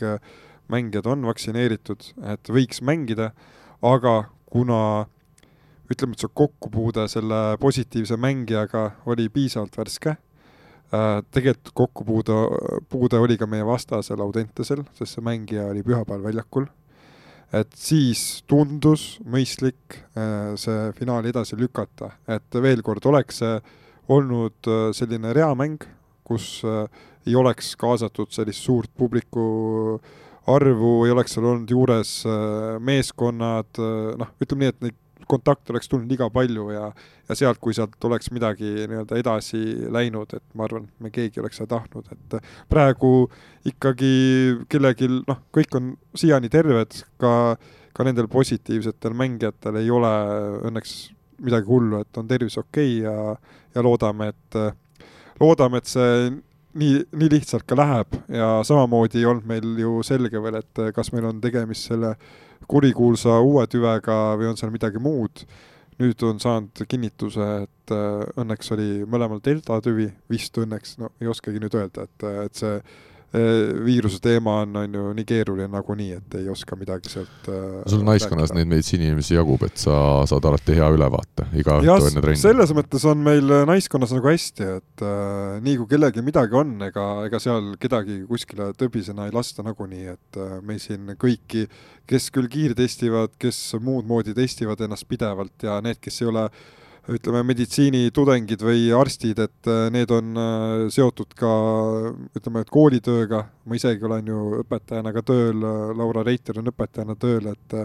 et ka seal praegu ilma testimata ei ole võimalik äh, midagi teha, jah, et kui usaldusväärsed on need kiirtestid, ega ega, ega me ei tea, et, et ka üks äh, naiskonna liikmetest, kes äh, sai nüüd positiivse, et ega tal kiirtestid olid äh, sinnamaani negatiivsed, ka samal õhtul tehtud kiirtest oli negatiivne ja PCR andis positiivse, et noh, et me ei tea, alati saab olla ka vale positiivne, aga, aga seda nüüd oli väga raske tollel hetkel hinnata ja ma arvan, et alaliidult väga tark otsus ikkagi kokkuvõttes. ma just tahtsin küsida, et kuidas te sinna testimiseni üldse jõudsite, et sa mainisid, et kellelegi nagu keegi haige ei ole, aga siis, et mingid kiirtestid tehti, et, et, sest et nagu karikafinaali eel ju sellist alaliidu poolset äh, nõuet, et nüüd kõiki võistlejaid testida ei ole, et kuidas te üldse jõudsite sinna äh,? jah, et nagu ütlesingi, et teisipäeva päeval tulid esimesed märgid sellest, et meil üks mängija tundis, et tal on kerge peavalu ja kergelt nohune ja kuna ta on ka seotud meditsiiniga, siis ikkagi tegi kodus kiirtesti ja see oli positiivne. tegi ka teise ja ka see oli positiivne ja ja siis äh, ma võtsin kohe alaliiduga ühendust, ütlesin lugu selline, et äh, mis me teeme, et kas me jätame ainult selle mängija äh,, ütleme, ma, kõigepealt oli küsimus, kas me saame ta ruttu äh, PCR-ile, et mille tulemus on järgmiseks päevaks olemas. juba see PCR-testi saamine osutus esialgu päris keeruliseks äh,. et, et kas me siis jätame nagu ainult ema eemale ja teised tegutseme äh, siis kohe oli arvamus, et kuna see on nii värske kontakt, siis igal juhul tuleb kõik ära testida. Ja oligi siis kokku lepitud lõpuks äh, selline tingimus, et kui me saame kõik testima ja kõik ülejäänud on negatiivsed, siis jääb ainult mängija kõrvale, kui on kas või üks positiivne juures ja on oht, et see viirus on natuke rohkem levinud, siis jätame naiste finaali ära, mis ühtepidi ma arvan, et naiste huvides võib-olla isegi on hea et äh, on räägitud sellest ju palju, et äh, naiste ja meeste finaal võiks tegelikult olla äh, mingis mõttes eraldi aegadel või kui nad on samal päeval, siis noh, et praegu oli jälle olude sunnil see finaal tööpäeval, sest tegelikult tahtis võrkpalliliit karikafinaale mängida nädalavahetusel. Aga tollel samal nädalavahetusel oli korvpall juba ette jõudnud ja oli ette jõudnud ka siiasamma Tartusse. ja ma arvan, et kõik saavad aru, et ei ole mõistlik ka korvpalli ja võrkpalli karikafinaali samal nädalavahetusel mängida. ja seetõttu tundus see kõige parem lahendus, et naised äh, mängivad ikkagi tööpäeval kell neli, noh, mis noh, tegelikult äh, kõik saavad aru, et äh, esiteks on tööpäev, on naistel juba keeruline, teiseks jah, lähedased sõbrad ja võib-olla vanemad suudavad selle päeva endale töölt vabaks rääkida, tulevad kaasa elama, no teised, no kus sa ütled tööle, et kuule, ma lähen ära tund aega varem, ma lähen naiste karikafinaali vaatama, noh, ma arvan, pooltes kohtades see pole lihtsalt võimalik. Äh, ja, ja lisaks, nagu ütles ka ajakirjanik Märt Roosna, et kuule, et noh, ma võin siin eelloos ju teha naistest ka ja üritada putitada teid ettepoole, aga noh, olgem ausad, et tegelikult jääb ju kõik meeste karikafinaali varju. no ja, ja nii see, nii see tegelikult on. ja ma arvan, et tänu sellele äh, jutumärkides tänu sellele äh, saavad äh, naised võib-olla siin jaanuaris või kuna see mäng nüüd peetakse, päris äh, ägeda kajastuse. ja nagu mitte, et see nüüd oleks kuidagi meelega tekitatud olukord, aga ma arvan, et see on ka Tartu naiskonnale kindlasti parem seis, sellepärast et teil on olnud äh, noh, selline suhteliselt keeruline periood, te ei ole saanud täisvõistkonnaga ei võistelda ega ilmselt ka mitte treenida. ja noh, ma nüüd vigastuste osas ma ei tea, et kas äh, vaevalt, et ähm, vaevalt, et need pikemaaegsed vigastused nagu selleks ajaks tagasi on, aga vähemalt äh, kasvõi Hollas saab rohkem taastuda ja nii edasi, et, et nagu see lihtsalt on asjade kokkulangevus, et mitte nüüd keegi oleks tahtnud, et seda finaali ei, ei mängitaks praegu, aga lihtsalt Äh, kuidas öelda, Audentesel, Audentese poolt vaadates neil oli niisugune hea rütm sees, et nad olid tegelikult hästi, hästi nagu mänginud, hästi valmistunud äh, aga jah, see Covid on selline, mis äh, paraku ei küsi nagu seda, et kellel on hea vorm või kellel on parasjagu head võimalused, aga puhtalt, kui ma nüüd nagu sinu juhendatava võistkonna poolt asja vaatan. no ütleme nii, et me kinnitasime alaliidule nii teisipäeva õhtul kui kolmapäeva hommikul, et vahet ei ole, milline otsus on, et meie oleme valmis mängima, et, et see otsus peab tulema nagunii alaliidu poolt mängijate osas, äh, kas lihtsa või mitte, äh, ei pruugi olla, et sest varasema kava järgi pidi meil jaanuarikuu olema väga vaba, meil on sügisel väga palju mänge ära mängitud ja oli antud päris mitmele naismängijale luba sellel ajal ka vajadusel kuskile kaugemale puhkama minna. ja nüüd ongi olukord, kus äh, mõnel mängijal on sinna perioodi äh, reis ostetud ja sealt seda reisi kuidagi praegusel ajal kas ära jätta või nihutada ei pruugi olla lihtne ja ei saa ka nagu äh, nii-öelda sundida, et kuule, noh, nad ei ole ikkagi, nad teevad seda nii-öelda enda vabast ajast ja aga noh, Ollase osas ei, ja aga karikafinaal äh, ei ole ju, ei ole teada, kas no, kus te võite teha seal välismaal, kus see antud mängija läheb. on ka see võimalus jah, et teeme selle välismaal jah, aga see, see ei ole nüüd jah, vist ikkagi arutelu koht. aga nende mängijate osas, et no olgem ausad, et kui need kaks positiivset mängijat välja jätta ja siis Annabel Huik siis kolmapäeval meil ehk eile siis äh, kõik teised mängijad äh, vastupidiselt siis möödunud nädalavahetuse, nädalavahetusele olid äh, valmis platsile jooksma, et,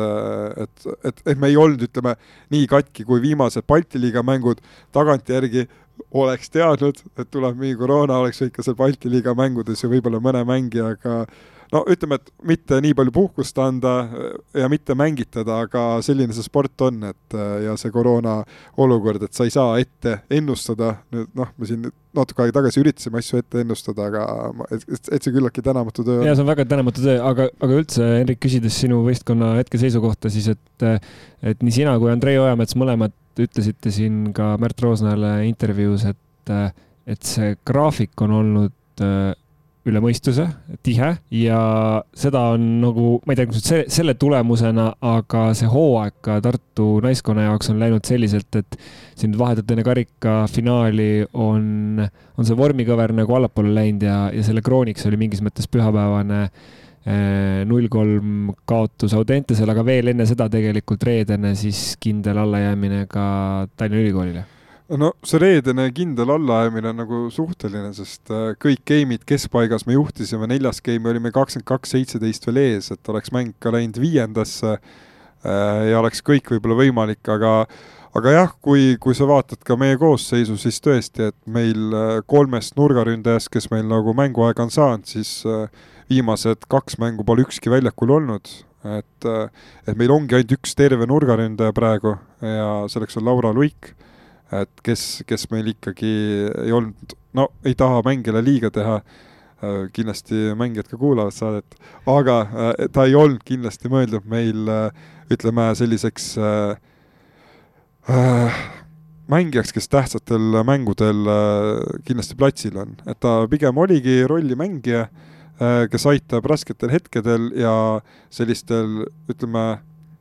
kuidas sa ütled, lihtsamate vastastega mängudel annab põhitegijatele puhkust. et nüüd ootamatult oli ta igal pool platsil, ongi raske ja, ja kui sa võtad veel ära, et, et me seal ühele või teisele mängijale puhkust andsime ka ja siis see naiste võrkpalli tase ongi ühtlane ja tihe. ja, ja kindlasti me olime ka võrkpallist natuke väsinud, et ka vaim, vaim oli väsinud, aga see karikafinaal, ma arvan, selle vaimu osas äh, ei oleks nagu küsimuseks saanud, et äh, ikkagi koduväljak ja finaal, et see oleks selle osa, ma arvan, kindlasti nii-öelda ära parandanud kes veel traumadega väljas on, me siin Hollasest rääkisime põgusalt, et ta on taastumas või, või tagasi tulemas ja natuke siin saab mängida ka, aga, ja Annabel Huik on pikema aja jooksul nüüd väljas, et kes veel on hädas? kui sa äh, võtad siin viimase kuu lõike äkki, siis on niimoodi, et meil Annabel Huik on ju langes traumaga välja, Liise Hollas oli juba enne seda, nüüd ta on jah, mõned mängud mänginud, aga on näha, et ta ei ole veel saavutanud seda, mis ta oli enne vigastust. Äh, lisaks on meil siis teine põhinurgaründaja Ingrid Kiisk äh, olnud nüüd järjest keerulises seisus, et küll oli ta, põdes ta siin äh, novembri alguses äkki koroonaviirust, pärast seda on tal olnud kaks tarkusamba oppi, et ta on võib-olla kuu aja jooksul teinud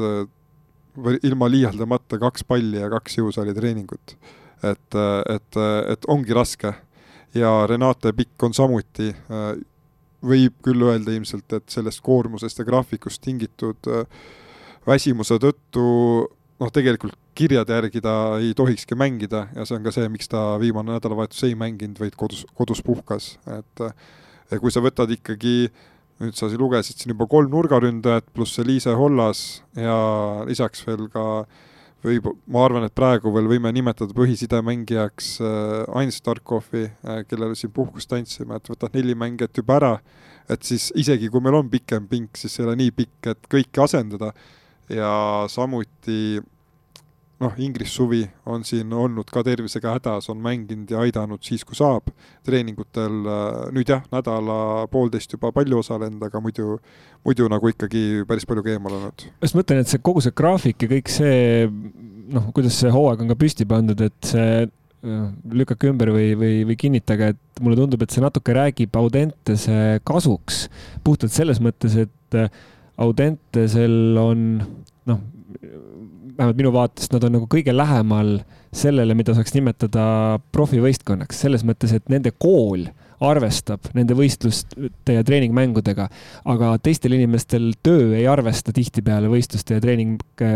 siis võistlustega ja, treeningutega. Ja, ja noh, ütleme, et kuna profisats ei ole, noh, profimängijaid ei ole teistes, teistes võistkondades vähemalt ma ei tea, et oleks, et siis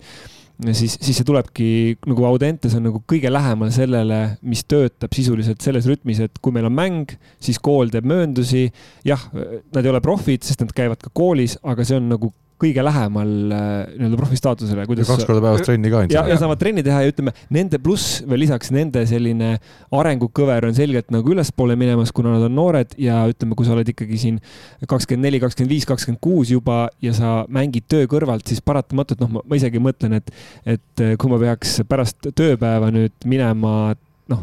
tegema tõsiseltvõetavat trenni või siis veel nagu võistlema minema, et see on ikka ränk koormus. no ütleme nii, et äh, Audentesel kindlasti jah, see on, räägib nende kasuks, nende miinuseks räägib natuke see, et lisaks sellele Balti liigale, Eestikatele, Eestikatele seal mõned mängijad peavad vahepeal ka mängima reede, laupäev, pühapäev noortevõistlusi. aga äh, mis ma nagu tahan öelda selle tiheda graafiku juures, et äh, Audentes, jah, nad saavad ikkagi reguleerida oma treeningute ja puhkuse vahekorda kõige paindlikumalt,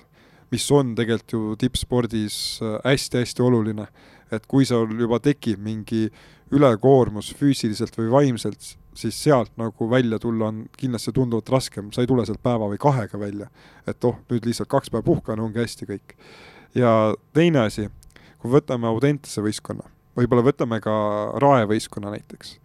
äh, seal on enamjaolt noored mängijad, et äh, noori ikka viib edasi ka lihtsalt see mäng.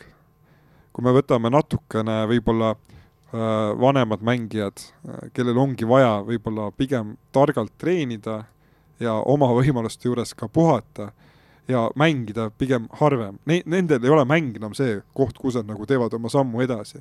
Nemad võivad oma taset säilitada või midagi ka juurde saada pigem treeningul. ja seda enam, mis ma ütlen, et meie kahjuks on, et meil on see hooaeg, ongi piisavalt pikk pink, et meil treeningul on ka tegelikult äh, päris okei okay, äh, tase, et meil ei ole kedagi, kes äh, otseselt jalgu jääb aga ma siin lugesingi mingi aeg kellelegi, et kuna, kuidas me nagu mingit trenni saame teha, et me siin kuu aja jooksul ega me ei saanudki väga trenni teha, sest me, me pidime puhkama mm -hmm. sellel ajal, kui peaks seal tööd tegema. ja selle taustal ma ise ka mõtlesin, et need nimed, kes nüüd Tartus koos on, on tegelikult noh, Tartu võistkond on komplekteeritud selliselt, et et nad kindlasti peaksid olema nagu põhifavoriidid nii, nii karikavõiduks kui meistritiitliks, aga just kui lisada see taust siia, siis tegelikult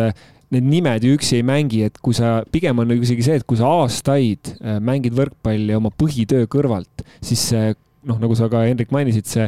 see väsimus ja, ja nii vaimne kui füüsiline lõpuks nagu akumuleerub ja koguneb ja koguneb ja koguneb ja sa ühel hetkel ei ole võimeline, sa võid aasta, kaks-kolm selle entusiasmi pealt mängida, aga ühel hetkel tuleb ka nagu piir ette. vot, see ongi, et äh, kui see naiste graafik ei ole olnud nii tihe, nagu ta on praegu, siis on võrkpall, on see treening või on see mäng olnud selline äh, superäge lisa, mis on neile andnud selle ägeda emotsiooni. aga see hooaeg, päris ausalt, on no iga nädalavahetus, kas on see kaks mängu, teinekord nädalas kolm mängu äh,. viie päevaga neli mängu oli teil maksimum. et seal sa ei saa sealt enam seda emotsiooni, sa saad sealt juba selle, isegi kui sa võidad, sul saab sellest asjast siiber. ja, ja natuke see ka on, kuhu, kuhu me kindlasti mingi hetk äh, äh, oleme jõudnud või jõudsime, see ei ole, ei tähenda kõigile seda mm, -hmm. aga, aga see on kindlasti teatud osale mängijatest, et äh, varem nad äh, mängisid töö kõrvalt, sest nad said sealt ennast välja elada, aga nüüd on see kõik äkki korraga liiga palju ja nii edasi, et äh, jah, paberil loomulikult, kui me kõik oleksime, ma arvan ühtemoodi hingaks, olekski meil need kaheksa näiteks Eesti meistrikatel osalevat võistkonda profivõistkonnad ja kaksteist Balti liigas olevat võistkonda profivõistkonnad, ma olen kindel, et Eestikatel me peaksimegi olema igal juhul esimesed no keegi ei välista, et me nüüd ka ei ole, on ju, aga, aga Balti liigas ma arvan ka, et me igal juhul oleme seal ka paberil ikkagi no vähemalt ühed favoriitidest, kuigi ma ütleks veel, et äh, naiste Balti liiga tipp on äh, see hooaeg ühtlaselt äge, ütleme mm -hmm. niimoodi, et seal on nagu. aga noh, siis võib seda teemat nagu selles mõttes kokku võtta, et, äh, et me tegelikult oleme, et see tükk, mis nüüd on vaja hammustada, et see on tegelikult nagu, käib üle jõu praegu võistkondadele, et see graafik, nii palju mänge lihtsalt Äh, arvestades seda, et ei ole profivõistkondi, see käib üle jõu ja see võib tegelikult ju pikas perspektiivis või noh, mis pikas, ütleme isegi lühikeses perspektiivis ehk hooaja, järgmist hooaega silmas pidades tuua kaasa mängijate loobumisi, sest et nad ei, nad ei jaksa lihtsalt. Jah, aga ma arvan, et samas jällegi seda pidi nagu proovima, seda tükki hammustada ja ega teinekord ongi, et äh, hammustad ja lihtsalt hammas ei hakka peale, et äh, mõnikord ka võtad puu otsast õuna no, hammustad, hammustad ja alles siis saad teada, kas see tegelikult oli küpse või oli toores. Et kas sa, kas saad sealt tüki kätte või jääb lihtsalt hammas sinna kinni, et, et, et no ja siis ka selgubki, kas sa loobud selle õuna söömisest ja viskad ta minema või sööd lõpuni. suurepärast kujund, ma just mõtlen, et, et kindlasti noh, jällegi ja teiselt poolt võib öelda, et need noored, kes on nüüd tulnud erinevates võistkondades siia naiste meistriliigasse, et nende jaoks ilmselt see on jälle võib-olla mingi, mingisugune uks kuskile ja võib-olla annab mingit äh, inspiratsiooni hoopis, ehk siis, ehk siis, aga ütleme, et jah, et see liiga selles, selles süsteemis see liiga jääbki nagu suhteliselt nooreks pigem, ma ütleks, et, et, et, et sest, et need, kes on natuke vanemad, nendel lihtsalt töö kõrvalt ei ole võimalik sellist tempot. vaata, siin on ka jälle nii palju aspekte, et äh, siin peaks igat võistkonda vaatama eraldi, et võtad Audentese, rääkisime, et nende jaoks võib-olla see graafik ongi tegelikult okei okay., jah, loomulikult võiks mõni mäng võib-olla vähem olla äh,, aga seda, see on ilmselt tehtav. nii äh,, võtad sealt Tallinna Ülikooli, kes kahjuks, nende kahjuks karikavõistlustel langes küllaltki varajases faasis välja. Nende jaoks see graafik ei ole midagi ulmelist. Äh, võtame Võru, kes äh, sellises koosseisus, nagu nad mängudel käivad, no ega nad mängudel treenivadki, selles mm -hmm. mõttes, et nad ei tee igapäevaselt sellises koosseisus trenni, ei olegi hullu. võtad TalTechi naiskonna, karikavõistlustel langesid ka pigem varem välja, nende mõned hooaja esimesed mängud on lükatud kuskile kaugemale, neil ka ilmselt ei ole praegu hullu. võtad nüüd meid, me oleme mänginud kõige rohkem mänge Balti liigas ära, me oleme karikavõistlusi alustanud kõige esimesest voorust, äh, meil, meil ongi hästi tihe praegu, et meil see hooaja teine pool tuleb kindlasti selles mängude osas nagu lihtsam. aga kui sa võtad nüüd Viljandi, äh, Rae ja Biodiscovery, kas ma kellegi unustasin ära, ei unustanud, et võtad need võistkonnad veel, neile on see graafik, ma arvan, kindlasti mõnus, neil ei ole mänge palju, nad saavad treenida, neil silm särab, särab, ma arvan, igal mängul, et, et see ongi, et kui meil on valida, kas see süsteem praegu on ühele naiskonnale võib-olla rohkem vastu ja seitsmele okei okay,, ega siis tulebki nagu mingeid natuke võib-olla seal naiskonnas ka ümber korraldada, ega ei, ei tea. et, et siin on neid pooli nii palju ja, ja ega pidi proovima, et äh, loomulikult on klubidel ja alaliidul mõtlemise koht, äh, kuidas äh, järgmine aasta edasi, kui needsamad võistkonnad kõik jätkata tahavad tere, minu nimi Karl, olen ka jätkuvalt stuudios. minu küsimus, te olete siin nüüd rääkinud ikkagi suhteliselt minoorsetel toonidel kogu sellest asjast, ometi Hendrik, vahepeal tuli siia üks-kaks lauset juurde, kus sa ütlesid, et tegelikult taolise naiskonna treenimine justkui ideaalis tavalisel aastal võiks olla ju puhas nauding ja ikkagi üks, üks tore selline, ütleme, hobi sinu jaoks räägime sellest suurest plaanist, sa oled täna ikkagi Eesti parima naiskonna peatreener kuivõrd eriline asi see su enda jaoks on ja, ja, ja ütleme, millised on su enda sellised eesmärgid?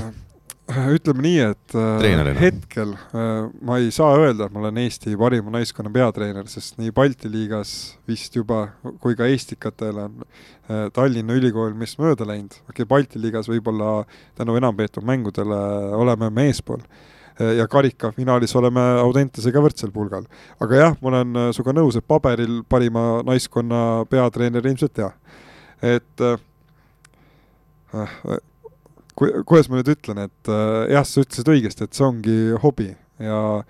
ega iga hobi on ka nii kaua äh, nagu äge, kui sa saad seda nautida, et äh, et aga kui see hobi hakkab muutuma liiga palju tööks, et siis, äh, siis ega, ega on ka peatreeneril kindlasti raskeid momente. aga no selle naiskonnaga, aga selle, selle naiskonnaga äh, kehtib see, jalgpallist on häid asju ka tulnud. Äh, jalgpallist on tulnud üks väga hea lause, et kuidas see oli, et Uh, sometime, sometimes lose but always win või? see oli saalihoki. saalihoki aga... oli jah. Jõgeva saalihoki. kurat, aga kas jalgpallis ka keegi ei öelnud seda? ei noh. no ütleme, et saalihoki, saalihoki sai ka meil pilti, et äh, et ka väga äge ikkagi edukam äh, pallimänguala. jaa, pärast Indiakat. aga, aga pärast Indiakat, on ju. et aga, aga selles mõttes, et Kertu, lähme ära selles mõttes, ma ei teadnud, et Indiak on pall. on küll tegelikult. nii, ma pärast võin pikemalt rääkida, tutvustava treeningu teha. aga, ja mm tuleb ka suvel muideks yes.. aga, aga kui nüüd rääkida sellest uh, sometimes lose but always win, siis uh, tegelikult endiselt selle naiskonnaga on täpselt see tunne, et isegi kui sa mängu kaotad, siis tegelikult sa alati võidad midagi ja, ja ma ei võtagi seda kui uh, tulemuse mõttes, vaid äh, tead, need inimsuhted ja kõik see muu asi, mis äh, ühe naiskonna treenimine sulle annab ja ja mis sa pead võib-olla, millega sa pead arvestama ja mida sa pead nagu läbi mõtlema, et, et see, see on pigem nagu selline, ma ei ütlegi, et see mind nagu treeneri, treenerina kindlasti viib edasi, aga sa aitab mind ka muudes eluvaldkondades kindlasti ja on abiks. Äh, nüüd osad naiskonnamängijad kindlasti löövad mind maha, aga sa oled äh, tegev nii meeskonna kui naiskonna juures. kas äh, naised jonnivad rohkem kui mehed või mehed jonnivad rohkem kui naised? jonnivad mõlemad. tuli. jonnivad teistmoodi. tead, väga, väga vale oleks öelda, et naised jonnivad ja mehed ei jonni. et ma arvan, et kui ma mehi peaks sama palju nägema, kui ma neid naisi näen et siis mehed äh, suudavad ja oskavad kindlasti rohkem jonnida, aga see jonn lihtsalt ongi teistsugune, et äh, äh, ma ei saa öelda, noh, naised jonnivad, aga ma ei saa öelda ka, et nad ei jonni. aga kas peatreener ka jonnib? peatreener ka võib jonnida no, ja, ja, ja see ongi, kui palju sa jonnid nagu nii-öelda, noh, tulebki jonn peale ja kui palju sa, kui palju sa sealt seda nagu kuskilt pead endast välja võluma, seda oskust, et äh, ja, ja, ja ongi, proovidki ühte ja teistpidi, et et siin viimastes kaotusmängudes ka, et mõtledki, et noh, kas nüüd teha suu lahti või hoida suu kinni ja siis vaatad silmanurgas, kuidas üks reageerib, teine reageerib ja siis vaatadki, ah, ega see tulemus ei olegi võib-olla nii oluline, mõtled sellele, et ah oi, paberil meil ongi nii kõva võistkond, vahet ei ole, kellega me koos mängime, onju. et, et, et selles mõttes neid mõtteid liigub igasuguseid ja ja ega see on üks suur õppetund, see ühe naiskonna treenimine ja ega kui, kui neil lõpuks villand saab, ega nad ei jäta seda välja ütlemata. kui sa rääkisid jalgpallist tulnud niisugustest lausetest, siis äh, meie naiste jalgpallikoondis äh, siis äh, üks peatreener oli inglane Keith Bonas mingil hetkel ja tema ütles sellise lause, et äh, mm, et siis nagu naiste ja meeste treenimise võrdluse kohta, et Women are uh, easier to coach but harder to manage ja siis meeste kohta vastupidi, et, et äh, nemad on siis kergemini eh, manageeritavamad väljaspool väljakut või need, see suhtluspool, aga neid on raskem treenida, ehk siis, ehk siis tema oli sellest lähtuvalt. ja eks, eks seal see oma nii-öelda tõetera sees on, et aga minu küsimus, äh, sa oled ikkagi tulnud äh, nii-öelda mänedžeri töö poolt äh, sinna treeneri töö juurde, kui me räägime siin täiskasvanute treenimisest. kuivõrd raske on sul olnud ennast kehtestada nende paari aasta jooksul nüüd peatreenerina? vaata, see on ka nagu nats teistsugune, et ma ju selle naiskonna juures abitreenerina olen olnud ka varem ja, ja mis seal salata, ega, ega osad mängijad ka ju on noh mul on ennem nendega olnud võib-olla niisama hea tutvus- ja sõprussuhe kui, kui see treeneri ja mängija suhe, et eks see ongi natuke teistmoodi, aga ma arvan, et äh, selles naiskonnas äh, võib-olla ei olegi vaja ennast äh, nii palju kehtestada, aga pigem on see oluline, et nemad usaldaks mind ja mina neid nagu tähtsal hetkel, et see, kas seal keegi vahepeal siis jonnib või teeb mõne äh, nii-öelda nalja hetkel, mil võib-olla noh, ei ole vaja teha või itsitab natuke liiga palju, et seda nagu muuta. et äh, ma olen aru saanud, et ega seda ei olegi võimalik, et äh, ma võin selle hetkeks maha suruda, aga pikas jooksus see toob rohkem äh, kahju kui kasu, vähemalt sellele mängijale. jah, kindlasti on seal teises nurgas mängija, kes vaatab, ahaa, mulle see nüüd sobis, aga ei, see ei vii nagu kuskile, et tuleb lihtsalt usaldada üksteist ja, ja see see nagu viib edasi. selles mõttes ma arvan, noorte ja, või noh, niisuguse noore võistkonna treenimine versus siis niisuguse kogenud naiste treenimine on nagu hästi-hästi erinev, et võib-olla noortega sa peadki ennast rohkem kehtest-, kehtestama ja ütlema nagu karmimaid sõnu, aga samas äh, jah, nagu, nagu ka Tartul on tegelikult ju kogenud mängijaid, kes suudavad ise seda nagu juba see kohalolek, et nad on seal võistkonnas, et sa ei pea nii palju treenerina äh, jah, kuidagi, ma ei tea, karmi häält tegema, et, et äh, ju noh, nad nagu seda suudavad ise teha, lihtsalt ongi see, et mingisugune taktika peab olema paigas ja, ja, ja nagu seda poolt arendama et äh, jah, no mitte, et see Tartu naiskond nüüd mingi muldvana oleks, et. no jah, jah, ma ei. aga, aga, aga selles mõttes ongi, et tüdrukute puhul, nii-öelda noorte puhul ka sõltub, et kas sul tuleb mingi ütleme noh, ja heas mõttes selline kärts sinna mm -hmm. naiskonda, kes ongi selline noh, hästi nagu püsimatu mm. ja väljakul no mis toome, ma ei tea, Hanna Pajula, ma arvan näiteks, kes ongi võib-olla selline äh, tulesäde, vahet ei ole, mis hetkel on ju, ja võib-olla ongi see natuke teistmoodi või sul on need tänapäeva mingid noored, kes tulevad ja sa pigem pead nagu üritama, et mõtled, et kas tõmbad tikku ja paned ta põlema, et ta nagu säraks rohkem või noh, et selline ongi hästi sellised, mitte ma keegi paneks põlema panna, ärge saage valesti aru,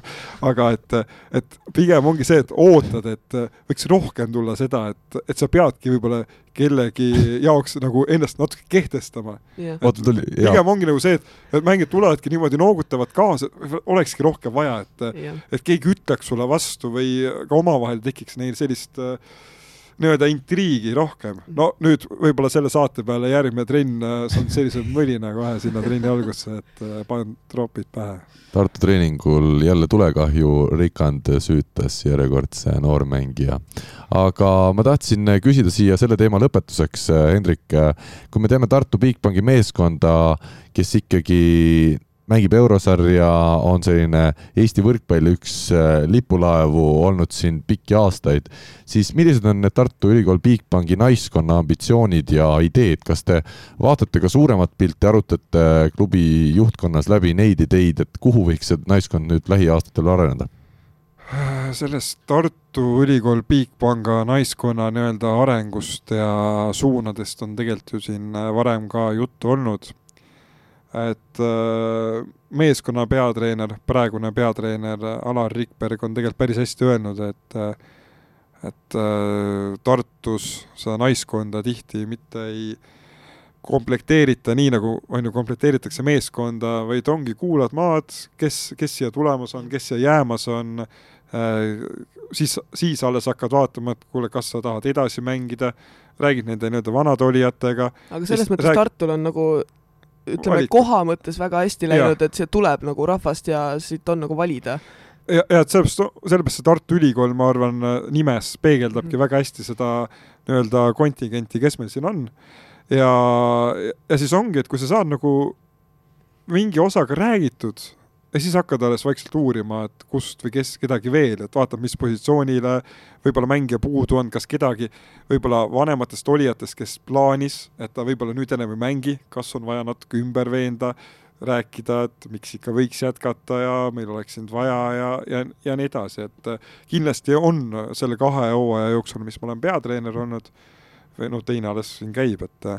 et on olnud neid mängijaid, mängijaid, keda on olnud vaja veenda, et nad tuleksid võistkonna juurde. mul on väga hea meel, et nad on selle otsuse teinud ja tulnud. on ka,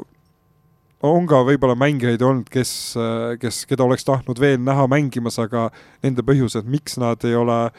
jätkanud, on võib-olla kas seotud ikkagi lõpuks sellega, et on mindud mingi hetk tööle kuskile mujale linna või siis lihtsalt äh, tervislikud, tervislikud põhjused ei kannata rohkem ennast lõhkuda, mis on ka täiesti arusaadav. et äh, ja neid noori siia Tartusse tuleb peale ikkagi iga hooaeg, et äh, ma väga loodan, et meil see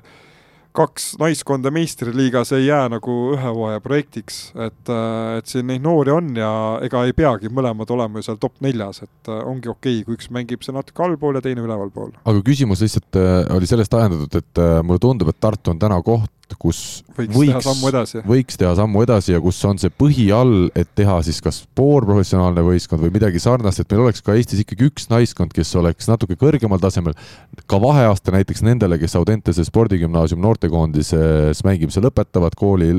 läbi saab, et see, et see, see distants sealt äh, nii-öelda koolieast profimängijaks ei oleks nii suur, et mulle tundub, et Tartu on täna ainuke koht, kuhu ma üldse näen, et kus see võiks tekkida, selline võistkond. ma arvan, et ikkagi Tallinnasse võiks ka kindlasti. aga seal vist ei ole hetkel,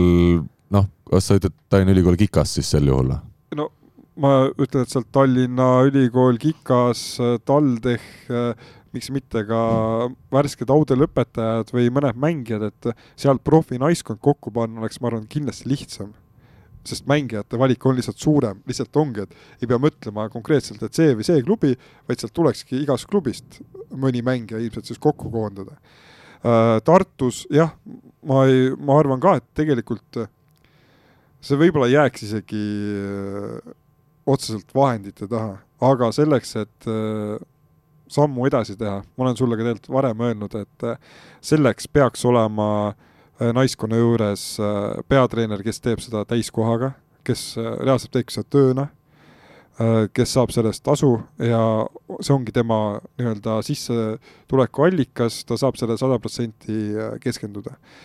Teiseks, kui ma võtan need mängijad, kes praegu näiteks on meil naiskonnas, ma arvan, et nendest äh, ma võtan, võin isegi teise naiskonna juurde võtta, et siis me saame pea kolmkümmend mängijat, on ju,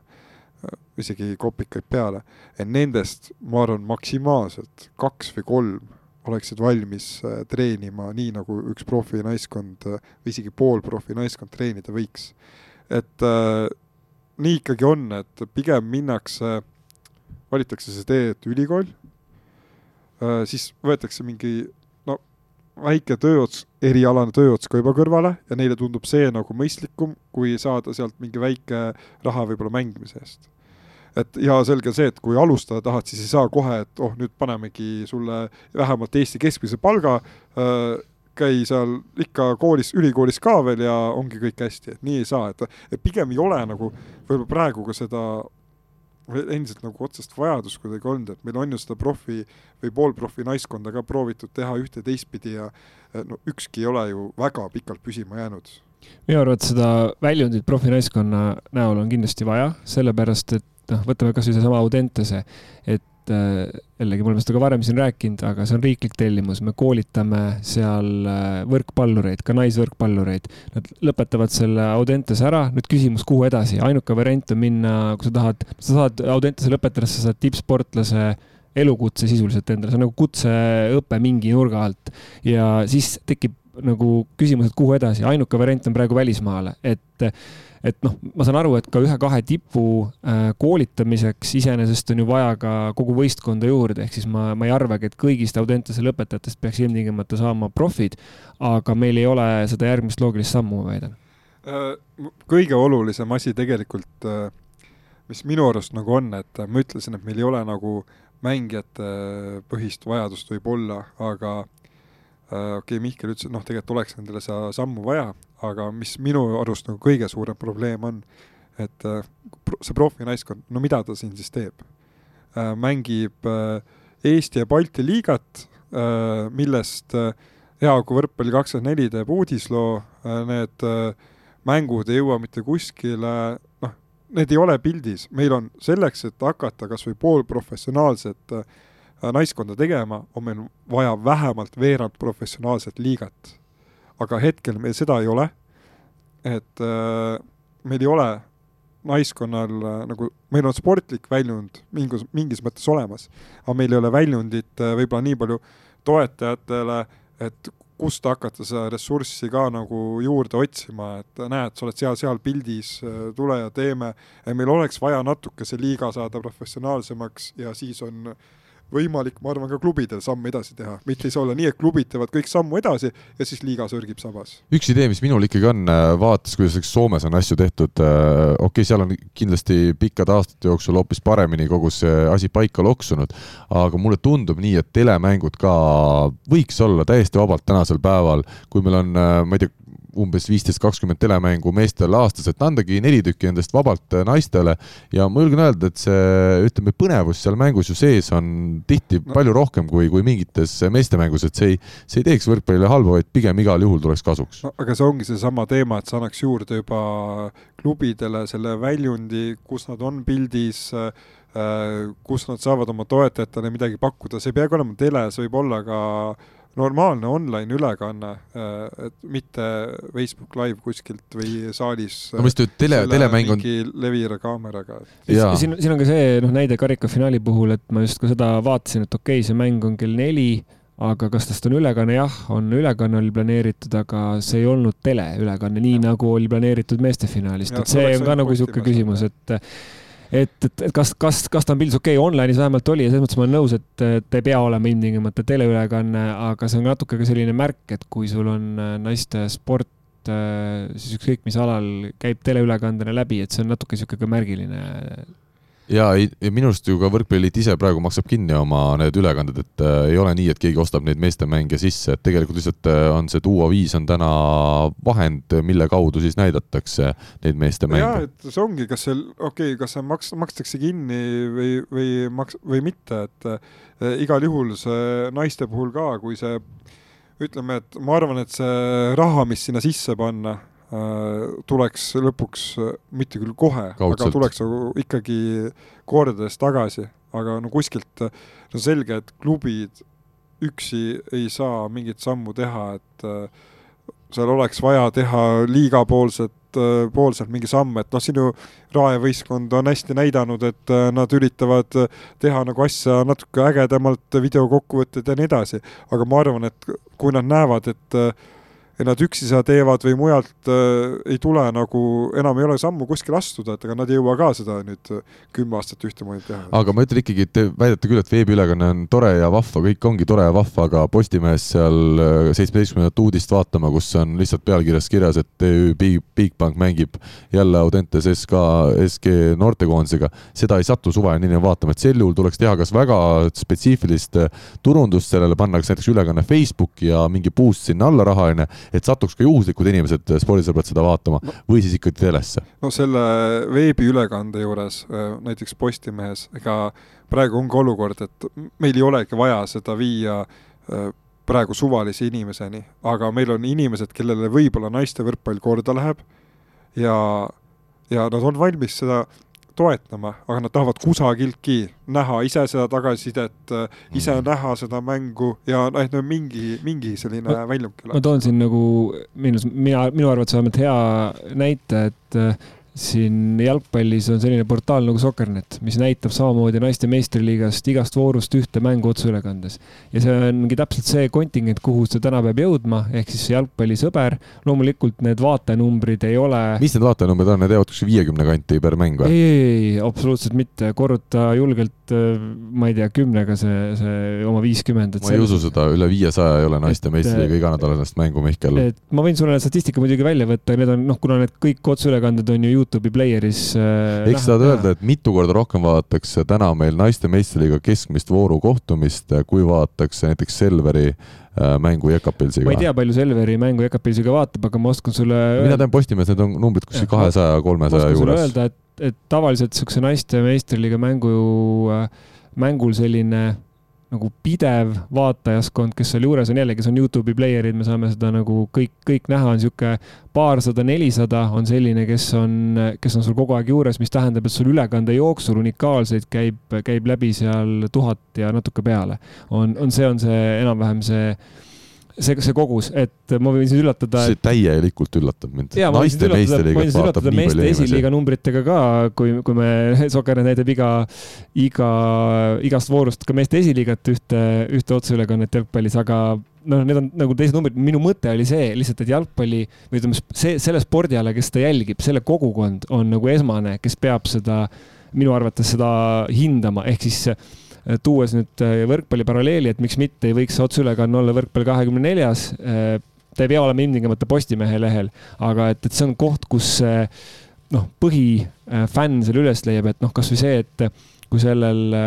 meie podcast'il on siin, ma ei tea, palju neid kuulajaid on, et kui kasvõi arvestatav protsent sellest leiaks tee nüüd sinna eh, noh, selline, ütleme, tõsiuskne võrkpallisõber, et seda juttu siin kuulata iga nädal paar tundi sa pead ikkagi tõsiselt nagu huvituma sellest alast, et siis see loogiline side ongi see, nagu sa ütlesid, et sealt Postimehest kümnete, kümnete uudiste ja mitmete otseülekannete vahelt sa seda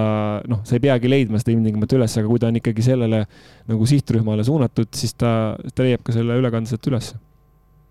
nii, aga meil hakkab täna saama pea kaks tundi juba saadet täis ja me oleme nüüd rääkinud äh,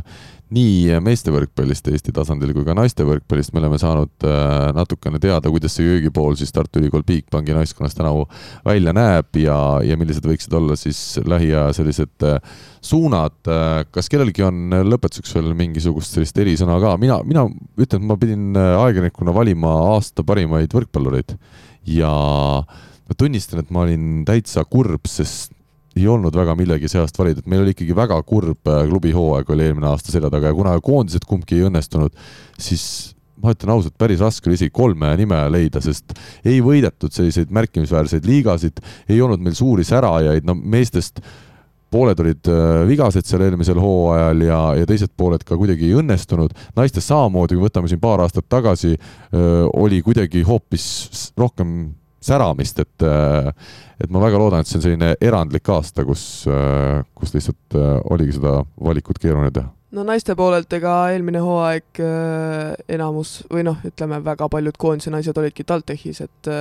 et noh, eks sealt annab ka omad lemmikud valida kindlasti, aga, aga jah äh,,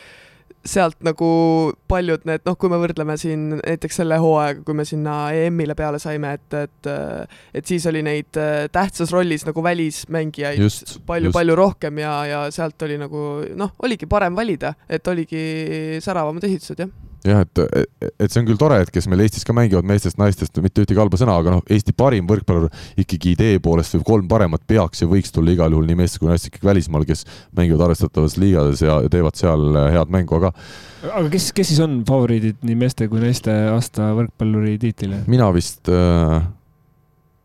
kas ma panin Martti Juhkame äkki meestest sellepärast, et tema oli meil meistrite liigas eelmine aasta, mängis Friedrichshafen nii kaua, kuni see koroona lõpetas selle meistrite liiga hooaja. ka sel aastal oli meistrite liigas, aga me, aga nüüd ma tean, eks ole, seda me, tasub üle öelda, et me valisime eelmise hooaja, eelmise klubi, eelmise koondise hooaja siis paremaid. ma arvan, et keskmine valija seal seda seda ei nagu tea ei jälle, tea või ei loe või ei pane tähele, et äh, aga no oli keeruline, no keda meestest valida, meil oli Robert Täht oli vigastatud, eks ole, Timo Tammemaa mängis, ei mänginud seal Resolvias ähm, olid seal Kreek-, Kreekas oli Andrei Aganits, venna on meil äh, Kataris, kus me üldse väga ei tea, mis, mis ja kuidas toimus, mitmed olid ka tagasi meil, eks ole, Eestis, Stepan, Kollo, Raadik, äh, et ei olnud sellist, selliseid suuri nimesid, kes oleks teinud suuri mänge meil Euroopas jah, päris huvitav jah, ma ise ka valisin ja kui sa üt-, küsid praegu, et kes ma need kolm nime sinna panin, ega mul oli ka juba raske. Juhkami oli kindlasti sees, aga kas ma panin ta esimeseks, teiseks, kolmandaks, tead ma isegi praegu ei äh, mäleta. Mm.. et selles mõttes jaa, nagu huvitav, et on mõni aasta, kus sa kindlasti tead, et mhm. keda sa valid ja, ja teed, aga aga tõesti ei ole nagu niimoodi, niimoodi meeles aga jõuluaeg on saabumas, Mihkel, esimesena küsin sinu käest, milline kas, oot, aga Karl, kas meil vaatajate või lugejate küsimusi aa, üks lugejate küsimus meil tuli ka täna, aitäh sulle, Hendrik, et sa oled äh... pidi ikka Alar Rikbergile enamus küsimusi tulema, aga, aga vaata, kas on midagi. jaa, ja meil on tulnud siis äh, kuulaja nimega Maiko, saated vahetult enne saadet küsimuse, tere saate tegijad, ja nüüd küll tähelepanu, jaa, hea lõpetuseks täna meil. alustuseks saadaks õnnitlused Tartule välja teenitud tiitli puhul. juba mitmeid-mitmeid aastaid on mulle Tartu kodumängudel silma jäänud üks väga kena joonekohtunikust neiu, kes ka karikafinaalis jälle ametis oli. ma arvan, et nii Karl, Mihkel kui ka Alar kindlasti teavad, kellest jutt on. äkki võtab Karl vaevaks uurida, kellega on tegu, kuidas ta joonekohtuniku töö juurde jõudis ning mis on teda nii pikki aastaid selle ameti juures hoidnud. juhul, kui ka ise saadet kuulab, siis saadaks omalt poolt tervitused ja jõudu veel pikalt jätkata. ilusaid pühi kõigile saatetegijatele, Maiko nii, kes vastab, on nüüd küsimus. Karl, kas sa oled äh, välja uurinud siis, kellega tegu no, on? ma ja ilmselt tean, kes see on, jah. ja et ma arvan, jah, nagu ta ütleski väga õigesti, et me kõik teame, kes on, aga noh, ma arvan, et äh, oli Maiko või? Maiko. Maiko võiks äh, järgmine kord siis ma arvan, julguse kokku võtta ja pärast mängu kohtuniku neiu käest ise küsima minna nime, et et see on natuke nagu seal see märgatud Tartus grupp seal Facebookis, et et, et ma arvan, et äh, me, me, meie seda nime, ma arvan. ei, ei ole põhjust. protokollist jookseb ka läbi kuskilt? Äh, võimalik, võimalik no,, et jookseb ja ma võin öelda, et sarnase nimega kohtunik pidi ära jäänud naiste finaali vilistama äh, esimese kohtunikuna, nii et, et see antud piirikohtunik on teinud, ma arvan, päris tubli karjääri juba, nii et. ja ka rannavõrkpallis on ta tublisti vilistamas see info mul tegelikult puudub ah. aga sina ilmselt tead seda paremini. et ma mõtlengi, et, et rannavõrkpallist äh, ei olegi nagu väga rääkinud see saade, et, et ilmselt ongi sobilik äh, selle küsimusega vist saade vaikselt kokku tõmmata siis või samas rannavõrkpallis ka ju ei tea, kas see suur äh, Äh, konkurss on saanud nüüd äh, Rannamaal edendaja konkurss. jah, et kas on saanud nagu lõpplahenduse, et ma arvan, et järgmine saade kindlasti tuleks äh, ette võtta ja seda teemat lahata. minu teada ei ole saanud lõpplahendust, aga seda võib uurida, jah. nii et ma saan aru, Hendrik, sa tahaks teada saada, kas sul on seal koht veel, et teha veel ka saja seitsmekümne kolmas töökoht järgmiseks hooajaks omale ei no mitte seda, aga, aga ka rannavõrkpall ühel või teisel põhjusel on mulle